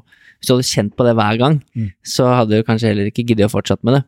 Men du følte jo ikke at det var en ofring. Du Nei. følte mer at det var bare det gjør jeg gledelig. Jeg tar fri eh, uten lønn, fordi at det, det er mye større verdi i det her. Da er man jo inne på noe. Andre veien igjen, da, som jeg Jeg ga deg jo litt av min frustrasjon i stad. Mennesker som klager på når de har eksamen, for eksempel så er det sånn, jeg skjønner det er ikke nødvendigvis fett å ha eksamen og skulle bli liksom få karakter og sånn, men hvis du du hater liksom hver, hvert sekund av livet, hver gang du har eksamen i det du studerer, så kan det jo hende du burde se deg selv i speilet og stille noen spørsmål da, til deg sjøl. Kommer det til å være fett å jobbe med det her resten av livet? Hvis det er så forbanna kjedelig å studere det, eh, sånn som du følte litt på Lillehammer, da. Det betyr jo heller ikke at alle fag du har da, i et studie er kult. Noen er kulere enn andre. Men hvis du har den kjipe følelsen liksom som du hadde på Lillehammer, så tror jeg det kan være lurt å stille seg noen spørsmål som du gjorde at kanskje fins det noe annet, da, Mm. som passer bedre for meg. Ja, og så syns jeg også det, det er veldig fin refleksjon, fordi at det som det også viser, da, det er at når jeg, når jeg da fant ut hva jeg ville, så var det fordi jeg hadde tatt de valga først som jeg ikke ville. Så de er en del av den reisen, fram mot å finne ut av hva du vil. For at når du tester forskjellige ting, og du gjør forskjellige ting, og du får brukt litt tid på ulike ting, da, så da er det også da du får kjenne er det noe jeg interesserer meg for? Nei, det bryr jeg meg kanskje ikke så mye om. Jeg tok for eksempel et valg om da jeg flytta opp til Lillehammer, så tenkte jeg sånn, det hadde vært fett å lære seg sånn, eller så starte sånne PT-greier for barn, da, for barn og overvekt og liksom sånne ting, da, liksom jobba litt i barnehagen, hadde friår og sånne ting, så jeg hadde tenkte liksom at åh, det her er bra. Testa jeg ut det, eh, lagde planer, tok kontakt med folk, liksom samme regler der, og så merka jeg over tid da at ah, det her er ikke så fett. Det her, eh, det her, og så snakka jeg om det til andre, og så sa de å, det er fett, ja, det her trengs, å, det er så viktig, og ja, det er et stort problem, og bla, bla, bla. Men så var jo det bare egoet mitt som fikk sånn derre ah, deilig, ja, folk syns det er kjempebra. Men når jeg var ærlig med meg sjøl igjen, da, ref tilbake igjen til det Nei, det her er ikke det jeg egentlig har lyst til. Det, det kjenner jeg nå, når jeg bruker tid på det, når jeg gjør det over tid, så kjenner jeg at det her er ikke noe jeg er villig til å ofre masse for og investere masse tid i. Og det er så fantastisk! De valga der, og akkurat det der, det føler jeg det er noe av det beste du kan gjøre, fordi det gir deg et springbrett inn mot bedre valg. Og det er det jeg liker å se på. Alle de drittvalga du tar. Det er liksom sånn Har du hatt uh, tre dårlige kjærlighetsforhold, da, hvis du tenker på hva du har lært av dem, så stiller du mye bedre til det neste. For da kan du finne ut av hva som fungerte, og hva som ikke gjorde det. Og, og så noen ganger så lærer man, og så noen ganger så går man på samme smell igjen. Men uh, hvis du har intensjon om å lære, og du begynner å se på ting som læring, da, og du begynner å se på også de dårlige valga, de var ikke dårlige valg. Det var ting som hjalp deg med å lære. Det var ting som hjalp deg med å forstå. Og det gjør at du får et bedre grunnlag for å navigere videre. Så, så, så omfavn de dårlige valga. Hvis du kommer inn på feil studie, eller du er i en jobb hvor livsenergien bare blir sugd ut av deg, yes! Det er bra, for det ga deg informasjon. Du havna der. Du har ikke lyst til å være der lenger. Yes, så bra. Da har du muligheten til å bryte ut. Du får ikke gjort noe med det som har skjedd, men du får gjort noe med det som skjer fra det øyeblikket her og framover. Der kan vi gjøre ganske mye. Og i det øyeblikket du får bevisstheten rundt at ja, men det vil jeg gjøre noe med, det er jo da du også kan begynne å gjøre noe med det. For hvis ikke så er du bare i blindsona di. Ja, og så er det litt som du sier, at det er det, det å tror jeg er viktig for spesielt den generasjonen som kommer opp nå, at man, man må òg tørre å stå i ting litt. Eh, ikke bytte ut nødvendigvis med en gang, om det er kjærlighetsforhold eller om det er jobb eller hva det er. Ja. Så er det veldig sånn at nei, men jeg begynte på et nytt treningsprogram for å få mer muskler, jeg gjorde det en uke, funka ikke. Mm. Det var ræva, liksom. Eh, Du må stå i det litt òg. Ja. Stole litt på prosessen, og liksom det er Det kommer til å ta litt tid også. Mm. Så om du studerer et helt år, da har du funnet ut mye. Mm. Studerer du et tre år, en hel bachelor, så har du funnet ut enda mer. Yes. At ok, det var ikke så fett. Jeg har i hvert fall fått kunnskap, kompetanse, og jeg har òg funnet ut at den veien her var ikke riktig for meg. Mm. Så det er òg, som du sier, verdifullt. Men jeg tror man må også ha litt tålmodighet til å stå litt i ting. Yes. Eh, Jeg var i Romania åtte-ni måneder, liksom, som vi har prata om. Jeg skulle ønske noen ganger i hvert fall at eh, det er det egoet mitt som snakker, da. At jeg sto i det hele året, liksom. Men det hadde ikke gjort noe forskjell. Jeg hadde funnet ut det jeg trengte på ni måneder. Litt ting som skjedde hjemme og, og andre ting som var med å ta den valget om å reise hjem igjen. Mm. Men jeg hadde aldri fått de svarene hvis jeg ikke hadde testa det. Jeg hadde sittet igjen med så mange spørsmål. Hva hvis? Hva om dersom at og så videre. Så det, man finner bare ut at det var en fet opplevelse, det var mye lærdom, erfaring. Samtidig så vet jeg at det var ikke den veien jeg ville på. Og derfor så er det ekstremt verdifullt, da, som du sier. Men da må man tørre å stå litt i det òg, da. Yes. Nei, det, det er kjempeviktig. Det er veldig bra at du trekker fram, for det, det er litt vanskelig å, å finne ut. Altså, det er jo en, eh, en muskel og sener, det tar litt tid før det tilpasser seg, så det er liksom vanskelig å, å vite. Så, og det er jo egentlig en sånn fin metafor for det meste. Det er eh, det vi bruker mer tid på, det har vi også mer sjansen til å forstå hvordan det er. Så ja, absolutt. Det er, det er et kjempeviktig perspektiv. Og som du var inne på der, som du nevnte litt med Mange snakker om som de går gå for drømmen og, og sånn, ikke sant. Da jeg skal bli fotballproff, eller jeg skal bli håndballproff, eller jeg skal holde foredrag for folk, eller hva det enn måtte være. Eh, Jeg har i hvert fall opplevd nå, selv om jeg bare er snart 33 år, at drømmer kan nå forandre seg. Yes. Ikke sant? Du kan nå tro at du hadde en drøm, finne ut på veien at det var egentlig kanskje ikke min drøm. Du trodde jo at idrettsstudier på Lillehammer skulle bli fett. Du brukte et helt år på å spare opp penger til å kunne gjøre det, og tenkte at dette her blir the shit. Fant ut etter et år at det her er ikke det er det ikke i det hele tatt. Det må være noe mer. Så jeg tror det også er at om du har studert noe, liksom, eller valgt en vei, eller så er det ikke nødvendigvis sikkert at du skal drive med det resten av hele livet ditt. Eh, Det kan hende at det forandrer seg, at jeg vil heller gjøre det her. Nå har dette dukket opp. Det, liksom, det er en helt annen gnist i meg når jeg snakker om dette eller tenker på dette, og at du kanskje må bytte litt retning, da. Mm. Eh, Det tror jeg kan være lurt. For mange binder seg litt opp, tror jeg òg. At ja, men jeg skal bli håndballspiller. Mm. Så er det sånn, det er ikke sikkert Det er ikke helt sikkert at det er rette for deg. Da. Ja, og så syns jeg man skal være litt kritisk til drømmene sine òg. Sånn der, hvorfor, hvorfor drømmer jeg om det her? Hvorfor har jeg lyst til å få til det her? Eh, For hvem? og, og, det, så, og det tror jeg også er viktig at vi husker, da. Vi husker å drømme igjen. Eh, Ikke bare én gang, for hvis jeg hadde en drøm for ti år siden, så er det ikke sikkert at jeg opplever det samme nå. Så, men du kan jo holde fast i en drøm som du hadde for ti år siden, og fortsatt tro at det er rett nå. Men det å være litt eh, kritisk, da, stille spørsmålstegn til men hvorfor vil jeg det? Hvordan ville livet mitt vært annerledes hvis jeg prioriterte det, og hva hvis jeg ikke gjorde det? Jeg liker veldig godt å, å ta det, jeg har ofte vært med utøvere som er sånn, skal jeg bytte klubb, eller hva skal jeg gjøre? Så er det sånn, ja, men sett ned, liksom, tenk ut de valga som du står overfor, skriv ned fordeler og ulemper ved alle tre valgene, se for deg valget ditt ett år fram i tid, og se for deg ett år fram i tid når du ikke gjør det, og se for deg hvordan livet ditt er da, og så kjenn hvordan du føler det. For da får du også et mye større grunnlag til å kjenne og føle som, hva er det som er rett for deg, da. Fordi til syvende og sist så er det du som vet best. Og ja, du kan få mange gode råd fra andre, men det er du som er eksperten på deg selv. Eh, Selv om det ikke alltid er lett å se, selv om det ikke alltid er lett å vite sjøl, så er det du som til syvende og sist sitter med følelsen av når jeg gjør dette, er det, er det her noe jeg virkelig vil, eller er det noe jeg ikke har lyst til?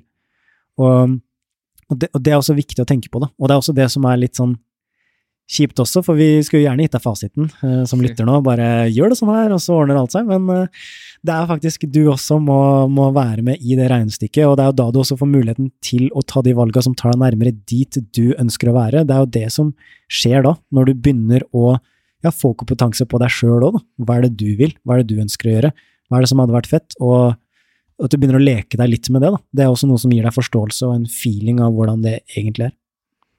Er 100 eh, helt enig i det. Det, det er viktig å, å ta en sånn, hva skulle du si, en uh, liten eh, medarbeidersamtale eller statusoppdatering med deg sjøl, Mm. med det man driver med, da. Hva liksom, hvordan har jeg det egentlig nå? Uh, setter deg ned og skriver ned, jeg syns det funker kjempebra. Hvordan har jeg det egentlig i jobben nå, eller i den klubben jeg spiller i, eller det jeg driver med? Hva er det som er fett, hva er det jeg har lyst til å fortsette med? Er det noe annet jeg ikke gjør nå som jeg kanskje skulle ønske at jeg kunne gjøre, eller er det noe jeg kunne forandre på?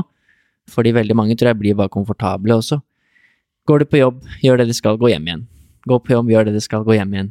Hva den måtte være. Uten å kanskje noen ganger liksom ta en liten sånn Hva er det egentlig jeg driver med? Mm. Uh, ikke hele tiden, da, for da blir du jo gæren, Ja. men av og til. Ja. Ta en liten statusoppdatering. Er det jeg holder på med nå, er det liksom riktig for meg? Er det det jeg vil drive med? Eller er det kanskje ting jeg har lyst til å legge til? Eller bytte vei? Eller hva det måtte være, da. Tørre, tørre å ta den praten og liksom statusoppdateringa av og til, da. Og det var jo det som gjorde at jeg kunne begynne å ta valg som var mer i samsvar med det jeg ønska å gjøre. Det var at jeg begynte å stille meg sjøl de spørsmåla. Hva er det jeg egentlig vil? Og så kom jo den derre oi, shit, Det her er jo ikke det alle vennene mine gjør. Uh-oh, hvem er jeg da? Hva gjør jeg da? Skal jeg da kravle inn i det trygge og bare hvelve meg rundt der og la alt være greit? Eller skal jeg det her er den helt nye verden, det her er det jeg egentlig vil utforske, gjøre, tenke? Hva vil jeg? For det Og tørre å si nei kanskje noen ganger òg. Ja, det, Det- også, det er, selvfølgelig. Og så er det jo litt sånn der, Og så er det litt sånn du sier også, så hvis du er Si at du er idrettsutøver eller du har mye på jobb da, en periode, så er det jo litt sånn at den perioden som det er mye, så vet du jo at det er mye. Så det er ikke sånn at det, nei, nå begynte det å bli litt tøft, eller nå begynte det å bli krevende, nå liker jeg det ikke lenger, for nå var det, kjente jeg på litt motstand, liksom. Det, det, det er kanskje å gi opp litt tidlig, da, men det å akseptere det. Men det, etter en sånn periode kan man jo tenke på, ok, men hvis jeg skal ha en sånn her periode hvert eneste år, da, framover nå, er det, er det fortsatt verdt det? Og bare det å stille seg selv spørsmålet, så er det sånn, ja, hvis det er verdt det, så fint, bare fortsett. Bare er det verdt det? Nei, det er ikke det. Men kanskje vi skal tenke på, kanskje det er noe annet her. Så, så, så jeg tror at det er viktig å, ja, tørre å være litt, eh, ja, nå sier jeg kritisk, jeg er egentlig ikke så glad i det ordet kritisk, men sånn, eh, være nysgjerrig, kanskje. Nysgjerrig på deg sjøl, nysgjerrig på hva du gjør, og nysgjerrig på hva du vil. For det, det er så kraftfullt å begynne å stille seg sjøl et spørsmål der, og det, det det gjør med hjernen vår òg, hvis man skal være litt sånn nerdy, det er at når jeg stiller meg sjøl spørsmål hva er det som er viktig for meg, hva er det jeg egentlig vil, så programmerer du også hjernen din sitt filtersystem til å legge merke til mer av det. Det kalles for rassen, det er ganske fett. det står for det retikulære aktiveringssystemet. Men eh, det er den klassikeren med at eh, du ja, Si at du får deg en ny bil, da, og så dagen etterpå så ser du den bilen overalt. Det har ikke blitt masseprodusert biler over natta, nei, men plutselig så har den bilen fått en relevans til deg. Plutselig så er det viktig for deg å huske den bilen. Å ja, det er min bil. Eller hvis det er noen du kjenner eller noen sånn som har bil, så kan jeg hilse. Det som vi gjør viktig, det legger vi også merke til. Og en sånn øvelse man kan gjøre det sånn fysisk, er jo sånn her hvis man nå begynner å se etter alt som har fargen rød, for eksempel, da. Se etter fargen rød, se etter fargen rød, se etter fargen rød. Så begynner du å skanne, så begynner du å lete, og så finner du alt som er rødt. Hvis jeg da spør deg ja, hvor mange ting fant du som var blått? Sånn, øh, jeg vet ikke. Nei, fordi du hadde fokus på det røde. Så det vi leter etter, det vi fokuserer på, det øker vi også sjansene for å finne. Det øker vi også sjansene for å se tydeligere. Det er derfor også er det så viktig også å finne ut av hva er det som er viktig for oss. Fordi det øyeblikket vi sier at ja, men det er viktig for meg å kanskje være mer sosial, det er viktig for meg å ha det mer gøy, enten det er på jobb eller som idrettsutøver eller hva det måtte være, i det øyeblikket du stiller deg sjøl de spørsmåla, det er da du også kan begynne å se ok, men hvordan kan vi få til det, da? Hva, ville, hva slags forskjell ville det gjort for meg? Og så får du mulighet til å finne ut av hvordan kan jeg gjøre det til en del av min prosess, for eksempel, fordi at det er noe som kan hjelpe meg, da. Men hvis du tenker at nei, men det er ikke så viktig med meg, da sier du til hjernen din ikke eh, tenk på hvordan du kan få viktige ting til å skje i livet ditt, og ikke lete etter det, det er ikke noe vits å legge merke til, og så ser du det ikke, og så forstår du det ikke, og så, så blir det ikke noe av. Men i det øyeblikket du også gjør ting viktig, så begynner hjernen aktivt å lete etter å, å se det. Og det er også en sånn kraftfull mekanisme som hjernen vår har, da. og det er derfor vi også sier at det vi fokuserer på, det får vi mer av, men det er også det vi ser tydeligere i kameralinsa vår. Og ofte så er det sånn at jeg ikke at hvis jeg ikke gjør noe, hvis ikke jeg prioriterer noe, så er det bare fordi jeg har ikke sett hvordan jeg skal gjøre det, eller hvorfor det er viktig for meg. Så, så det er også en sånn ting som jeg syns er ekstremt fascinerende, å lære seg å gjøre ting viktig, da. Eh, Fordi at eh, det er ingen som gjør det for deg veldig ofte. Noen har kanskje noen som hjelper å coache veldig, men i det øyeblikket du gjør noe viktig, så hjelper du også din hjerne med å se, med å forstå, med å legge merke til mer av det, da. Så derfor jeg også har mye fokus på det her med å tørre å drømme, det å tørre å stille seg sjøl de spørsmåla der, fordi det programmerer også hjernen din til å legge merke til mer av det som kan være veldig fordelaktig for deg å legge merke til og se mer av. Ja, og kanskje, som du sier, når, når man stiller seg disse spørsmålene, være på rett sted, eh, mentalt og fysisk kanskje. Eh, du og Anja var jo ti dager stillhet, det er jo den ekstreme varianten. Da får du sikkert enormt mange svar. Men eh, sånn som det er i dag, folk er alltid opptatt. De er alltid stimulert med enten PC eller telefon, eller liksom du, du har et eller annet som forstyrrer deg, da, hele tiden så kan det være vanskelig liksom, ok, men nå skal, jeg, nå skal jeg finne ut hva jeg vil i livet. Nå skal jeg ta et kvarter, og så skal jeg finne alle svarene på hva som er viktig for meg, og hva jeg vil. Så, så kommer du ikke langt nok ned, da. Eh, Da er du fortsatt bare helt i overflaten, tror jeg, da. Mm. Hvis du skal liksom virkelig dykke ned i deg sjøl, finne litt ut hva er det egentlig jeg vil for noe, så tror jeg også man må klare å være i rett uh, sinnstilstand, da. Klare å få den roen uten å bli forstyrra med alt mulig annet, da. rundt. Eh, sånn er i hvert fall jeg valgt å løse det når jeg står overfor store valg, da. Jeg tar meg tid.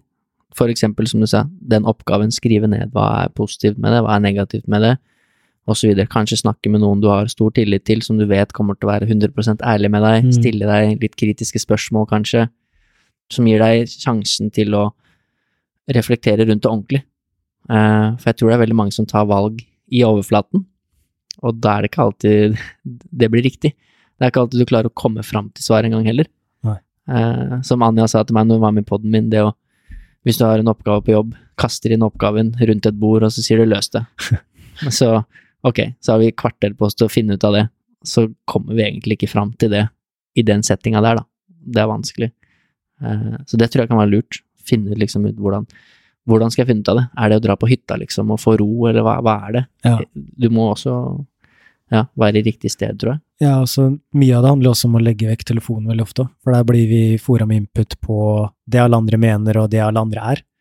Men sånn der finne ut mer av det som er rett for deg, da, det handler jo om å også ikke eksponere seg for mer input. Og hvis man vil ha en mer bevegelig variant enn det at man bare sitter i stillhet, sånn som jeg pleier å meditere mye hvis jeg skal få innsikt eller få svar, da, så hjelper det veldig godt for meg, men det å bare gå en tur, og Mm. kanskje ikke ha med telefonen, til og med. Det føles litt sånn der wow, skal jeg gå et sted uten telefon? Det, er- det er hardcore, det er next level. I know, I know. Det er helt konge å gjøre det. Ja, det, ja ikke sant? Og det, det er veldig deilig. og Jeg vet at du også har eh, sosiale mediefrie helger, blant annet. Og, Slette rappen i helgene. ja. ikke sant? Et annet tips som er helt banalt, som jeg har lært de siste to årene av livet mitt, som jeg aldri har gjort før de siste to årene av livet mitt på den måten, ja, kanskje da jeg var liten og gikk skiturer og litt sånn, er å gå en tur med faren din. Uten telefon. Ja. Eller moren din. Men for oss gutter, da. Ja. Gå en tur med faren din. Hvor ofte gjør du det? Ja. Gå en tur i en time, og det eneste som skjer, er en samtale mellom deg og faren din. Eh, det tror jeg kan være bra for mange, både fedre og sønner, da, Ja. å gjøre. Det, fordi jeg har begynt å gjøre det de siste årene, fordi faren min bor rett her borte, og jeg har hund, så vi gjør det to-tre ganger i uka. Da kan du finne, finne ut mye Ja, ikke sant? som var interessant. Ja, og så da blir du også veldig til stede i samtalen, for da har du Mm. ikke den der, eh, du har ikke den vibrasjonen i lomma, eller du har liksom ikke noe som drar deg ut fra øyeblikket i like stor grad, da. Så, så det er også en veldig sånn, i forhold til fokus, da, å være til stede, uh, deale med distraksjoner. Det er jo et supertips for å kunne få innsikt og kunne ja, være, være til stede, da. Så Det er det mange sier, eh, som du sa i stad, at når du spilte fotball, så var du fri. Mm. Det tror jeg er mye av grunnen til at man er det. Uh, sikkert fordi man syns det er gøy og sånn også, selvfølgelig, men du er til stede Mm. der og da. Når jeg er på fotballtrening også, så er det fri, frihet, men det er fordi at det bokstavelig talt er frihet også. Jeg har ikke noe som kan forstyrre meg. Jeg har ikke mailer og ting som tikker inn og sånn. Det er bare fotballtrening. Mm. På banen, liksom, med de andre. Jeg tror det som du sier, om det er å gå en tur eller spille fotball eller meditere eller finne de aktivitetene hvor du kan isolere deg litt, Mm. eh, men allikevel føle deg fri, da. Og det er jo det som er eh, Mange snakker om det at du må, du må lære så mye nytt, og du må gjøre så mye nytt og sånne ting, men jeg vil også slå et slag for å ikke gjøre, altså sånn der ikke fylle på mer, men bare stol på det du har, og, og, og tenk på hva, hva er det som er viktig for deg nå, liksom, og bare glem alt annet for et lite øyeblikk, og ikke fylle på mer, mer, mer. For da, da er det også mye lettere for deg å se og forstå hva er det som er hos deg nå, da, og veldig ofte så er det vanskelig å, å catche det man kan også skrive, er også veldig effektivt. Liksom bare skriv ned alt du tenker på et ark, drit i grammatikk og sånne ting, men bare få det ned på et ark. Det har jeg brukt masse. Og det gjør at jeg kanskje føler at åh, det er et eller annet, jeg vet ikke helt hva det er, masse rør oppi hodet. Og så begynner jeg bare å skrive, og så bare får jeg sånn strøm som bare går fra hodet og ned på arket. Og til slutt så begynner jeg å se at jeg begynner å få innsikt gjennom at jeg skriver, da. Plutselig er det sånn, oi, shit, nå, oi, nå, nå begynner jeg å forstå det. Ja, det her kan det være, for da, da bruker du på en måte fokuset ditt til å få innsikten, da. Det er også veldig effektivt. Ja, veldig. Josefine Intelus uh, er en som har vært gjest i episoden min, nei, i poden min, og har lagd en episode med henne. Hun eh, var et veldig stort håndballtalent. Spilte i Vipers og la opp som 23-åring på grunn av alvorlige kneskader. Mm. Og hun forteller om et øyeblikk der hvor hun var liksom på det kanskje sitt mest frustrerte, da. Og var skada igjen, og alt gikk i tusen knas, og ja, var liksom Alt var dritt, da. Var liksom helt nede i kjelleren. Og da hadde hun en mor, moren til en venninne, eller en kompis, som, som brukte akkurat den metoden, da. Hun eh, ga henne en sånn, eh, sånn bunke med sånne gule lapper, og så bare skriv alt du tenker på nå, hva enn det er.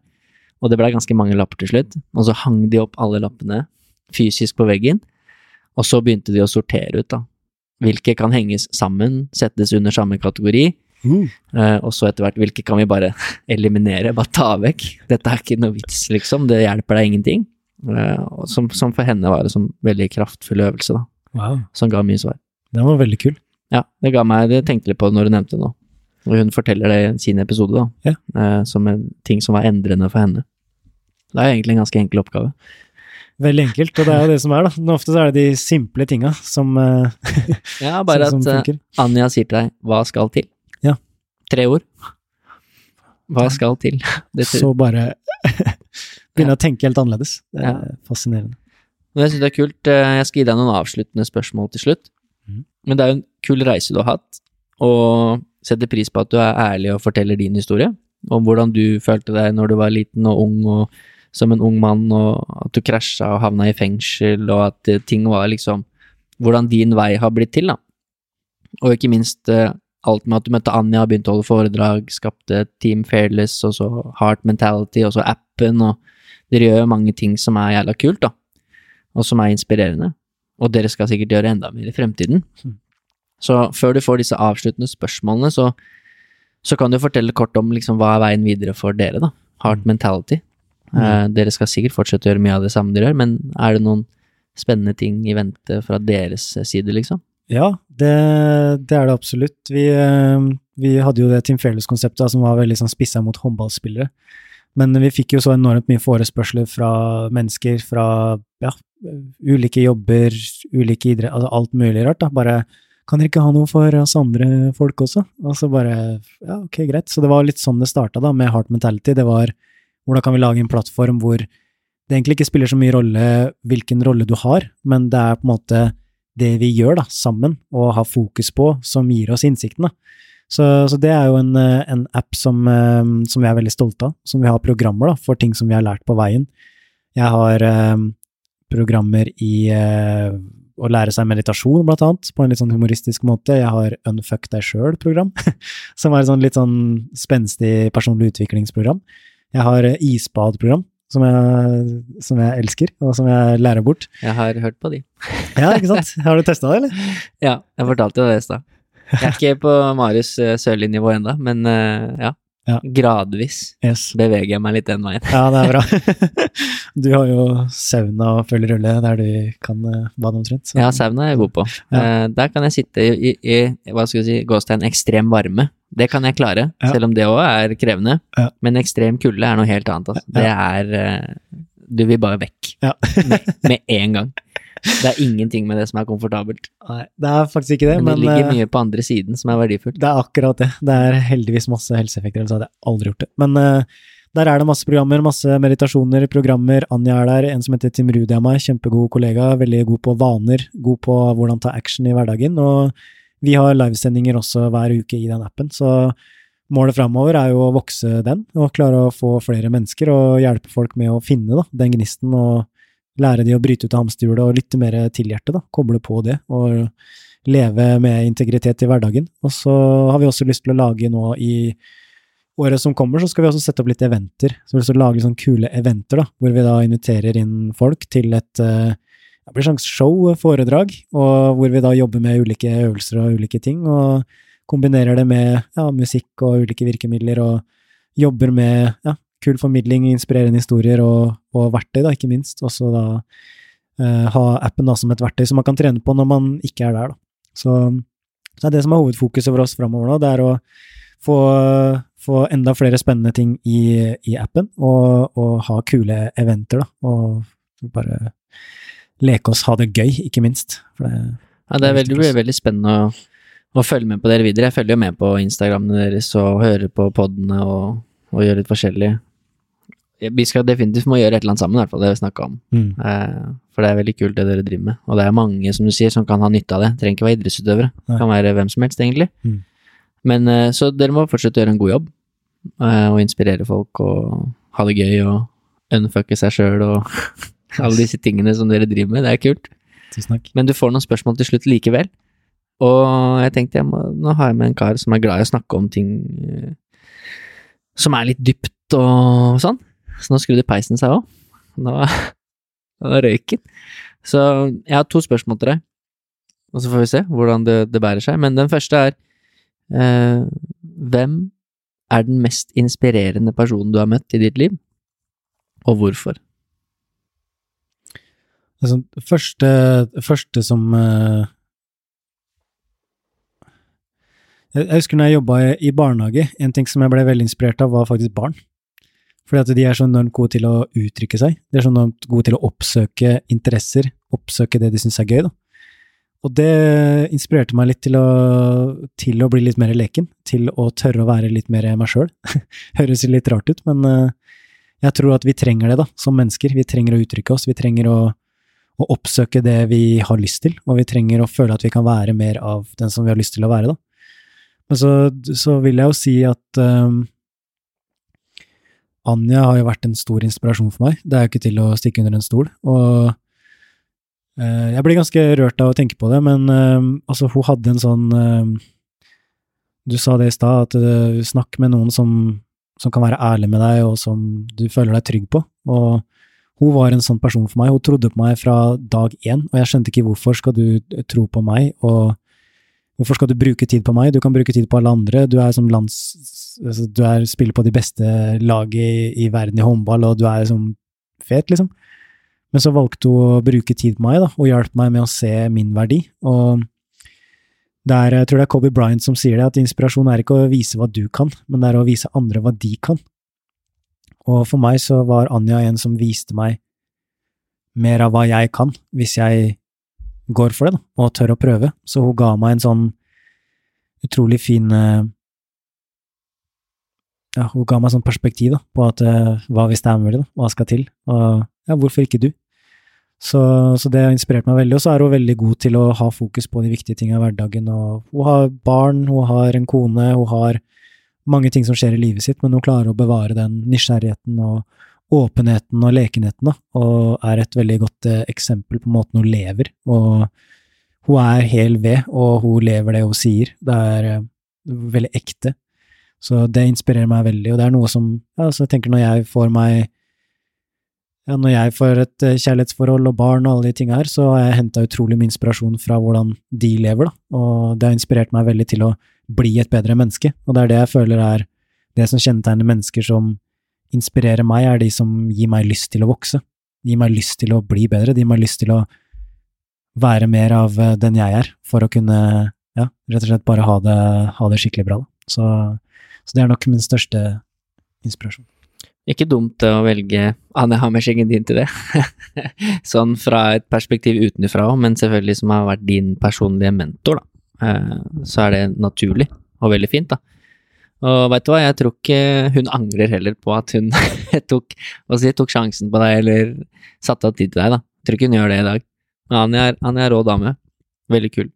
Så det, det, er et bra svar. Det siste spørsmålet uh, det syns jeg er litt kult. Og det er Jeg husker ikke Jeg har hørt mange varianter av det. Det kan godt hende Jeg hører jo på mange podkaster som er litt sånn Jay Shetty-aktig. Sånn selvutvikling og Jeg hører på det hele tiden, ikke sant, istedenfor musikk på vei til jobb, når jeg går tur med bikkja, når jeg jogger meg en tur og sånn. Mm. Uh, og noe er bare sånn Du glemmer episoden, du fikk egentlig ikke med deg noe. Mens andre er bare sånn Å, der var det noe som bare Det traff meg skikkelig, liksom. Det kan jeg bruke.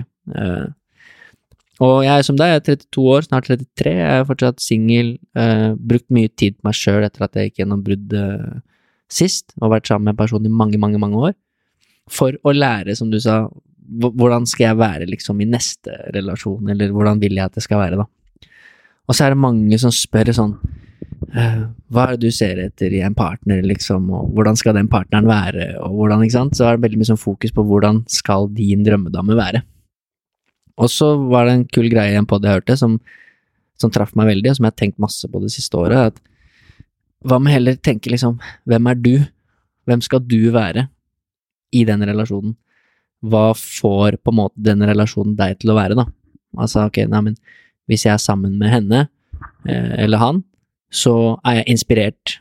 Jeg føler meg trygg, jeg eh, kan være meg sjøl, jeg kan eh, følge min drøm uten å ha dårlig samvittighet. Jeg kan dra til India, som Anja gjorde. Partneren min støtter meg.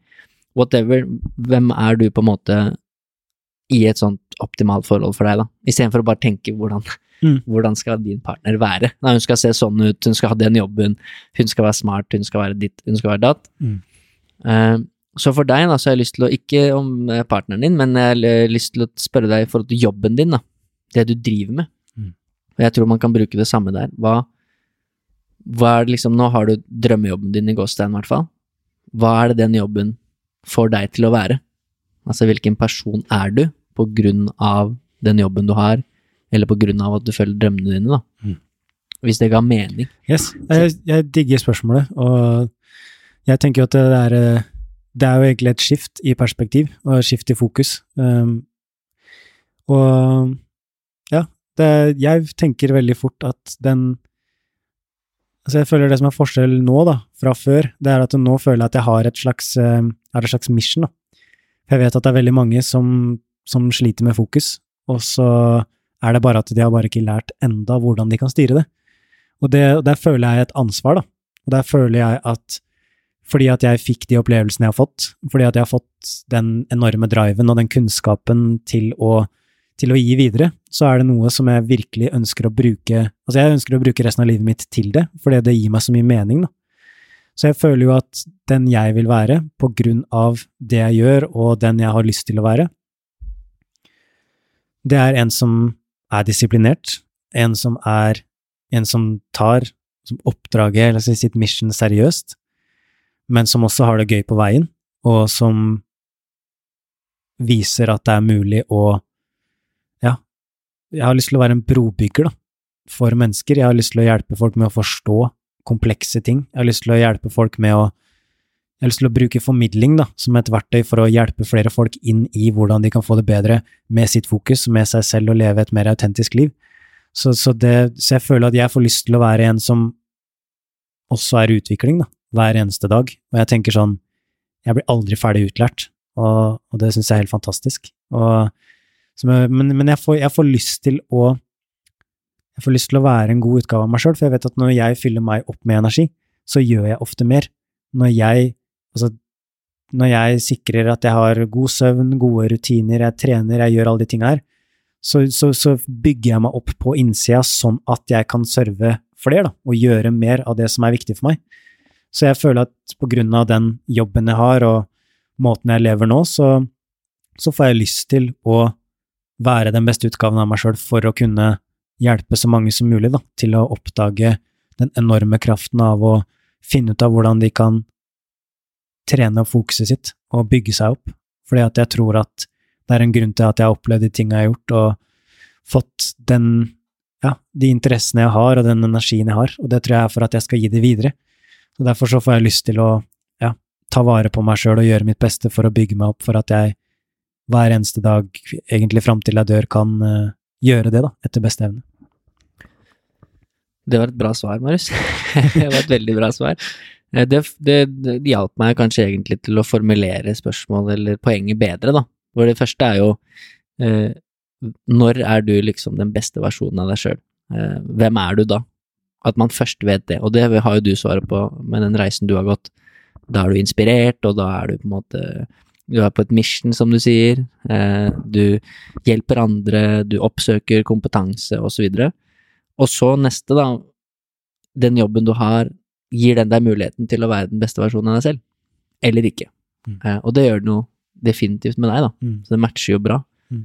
Jeg tror det er et viktig spørsmål å stille seg sjøl også. Også inn i en relasjon, for når, som du snakka om familie og barn. Når du skal velge den som skal være moren til dine barn, så er det et ganske viktig valg, da at man nå kan stille seg det spørsmålet hvem er jeg når jeg er min beste versjon? Lar denne relasjonen meg være den beste versjonen av meg sjøl, eller ikke? Mm. Uh, og det tror jeg kan være viktig med jobb òg. Mm. Inn der. Ja, og så tror, jeg- og så- og så tror jeg også det er sånn i forhold til, til et kjærlighetsforhold òg, at Mm. uh, jeg tror veldig på at uh, hvis du, hvis du vokser, så tiltrekker du deg helt annerledes uh, mennesker, da. Så, så, så det tror jeg også er en sånn effekt av å jobbe med seg sjøl og, ja, og håndtere ting inni deg, da. Det gjør jo også at jeg tror at du, du blir da mer mottagelig for andre typer mennesker som du møter, for energien din blir annerledes. Og, og det er jo litt sånn derre du møter folk som overhodet ikke har interesse for det du gjør, så er det sånn, det blir litt sånn som en magnet, det bare, det viber ikke, liksom. Mm. Men så møter du de menneskene som har de samme interessene, og så føler du deg alien hos den personen, men hos den personen så føler du deg hjemme. Så føler du at du kan være ekte, så føler du at du kan si det du har lyst til å si, og være den du har lyst til å være, og man kan vokse sammen, da. Og det, og, det er for meg en sånn enorm personlig utvikling, som gjør at man kan være mer fri, da. For selv om man er også med en annen person, så kan man fortsatt vokse, og, og være Ja, ikke ta på seg en rolle eller ta på seg en maske, da. Jeg har også vært i forhold hvor jeg bare har satt den andre først, og så glemt meg sjøl. Men så merker jeg jo hvordan det i lengden ikke er eh, Altså, det, det funker ikke i lengden, da. I det øyeblikket der det blir vinn-vinn, det blir gi og ta, og man føler at man, har, man kan vokse sammen, da. At det er ikke en som skal fikse den andre. Det er i hvert fall min opplevelse, da, at når jeg har hatt forhold hvor jeg er den som skal være den sterke, liksom fikser ting og sånne ting, så blir det ofte til at det blir en enveiskjøring til slutt, Mm. og så føles det ikke rett. Men i det øyeblikket det er sånn, ja, møte noen som kanskje er litt mer selvstendig eller står stødigere i seg selv, så oi, jeg trenger ikke å ha den rollen. Hva åpner det seg opp for da? Og da har man kanskje noe i midten da, som man kan vokse sammen med.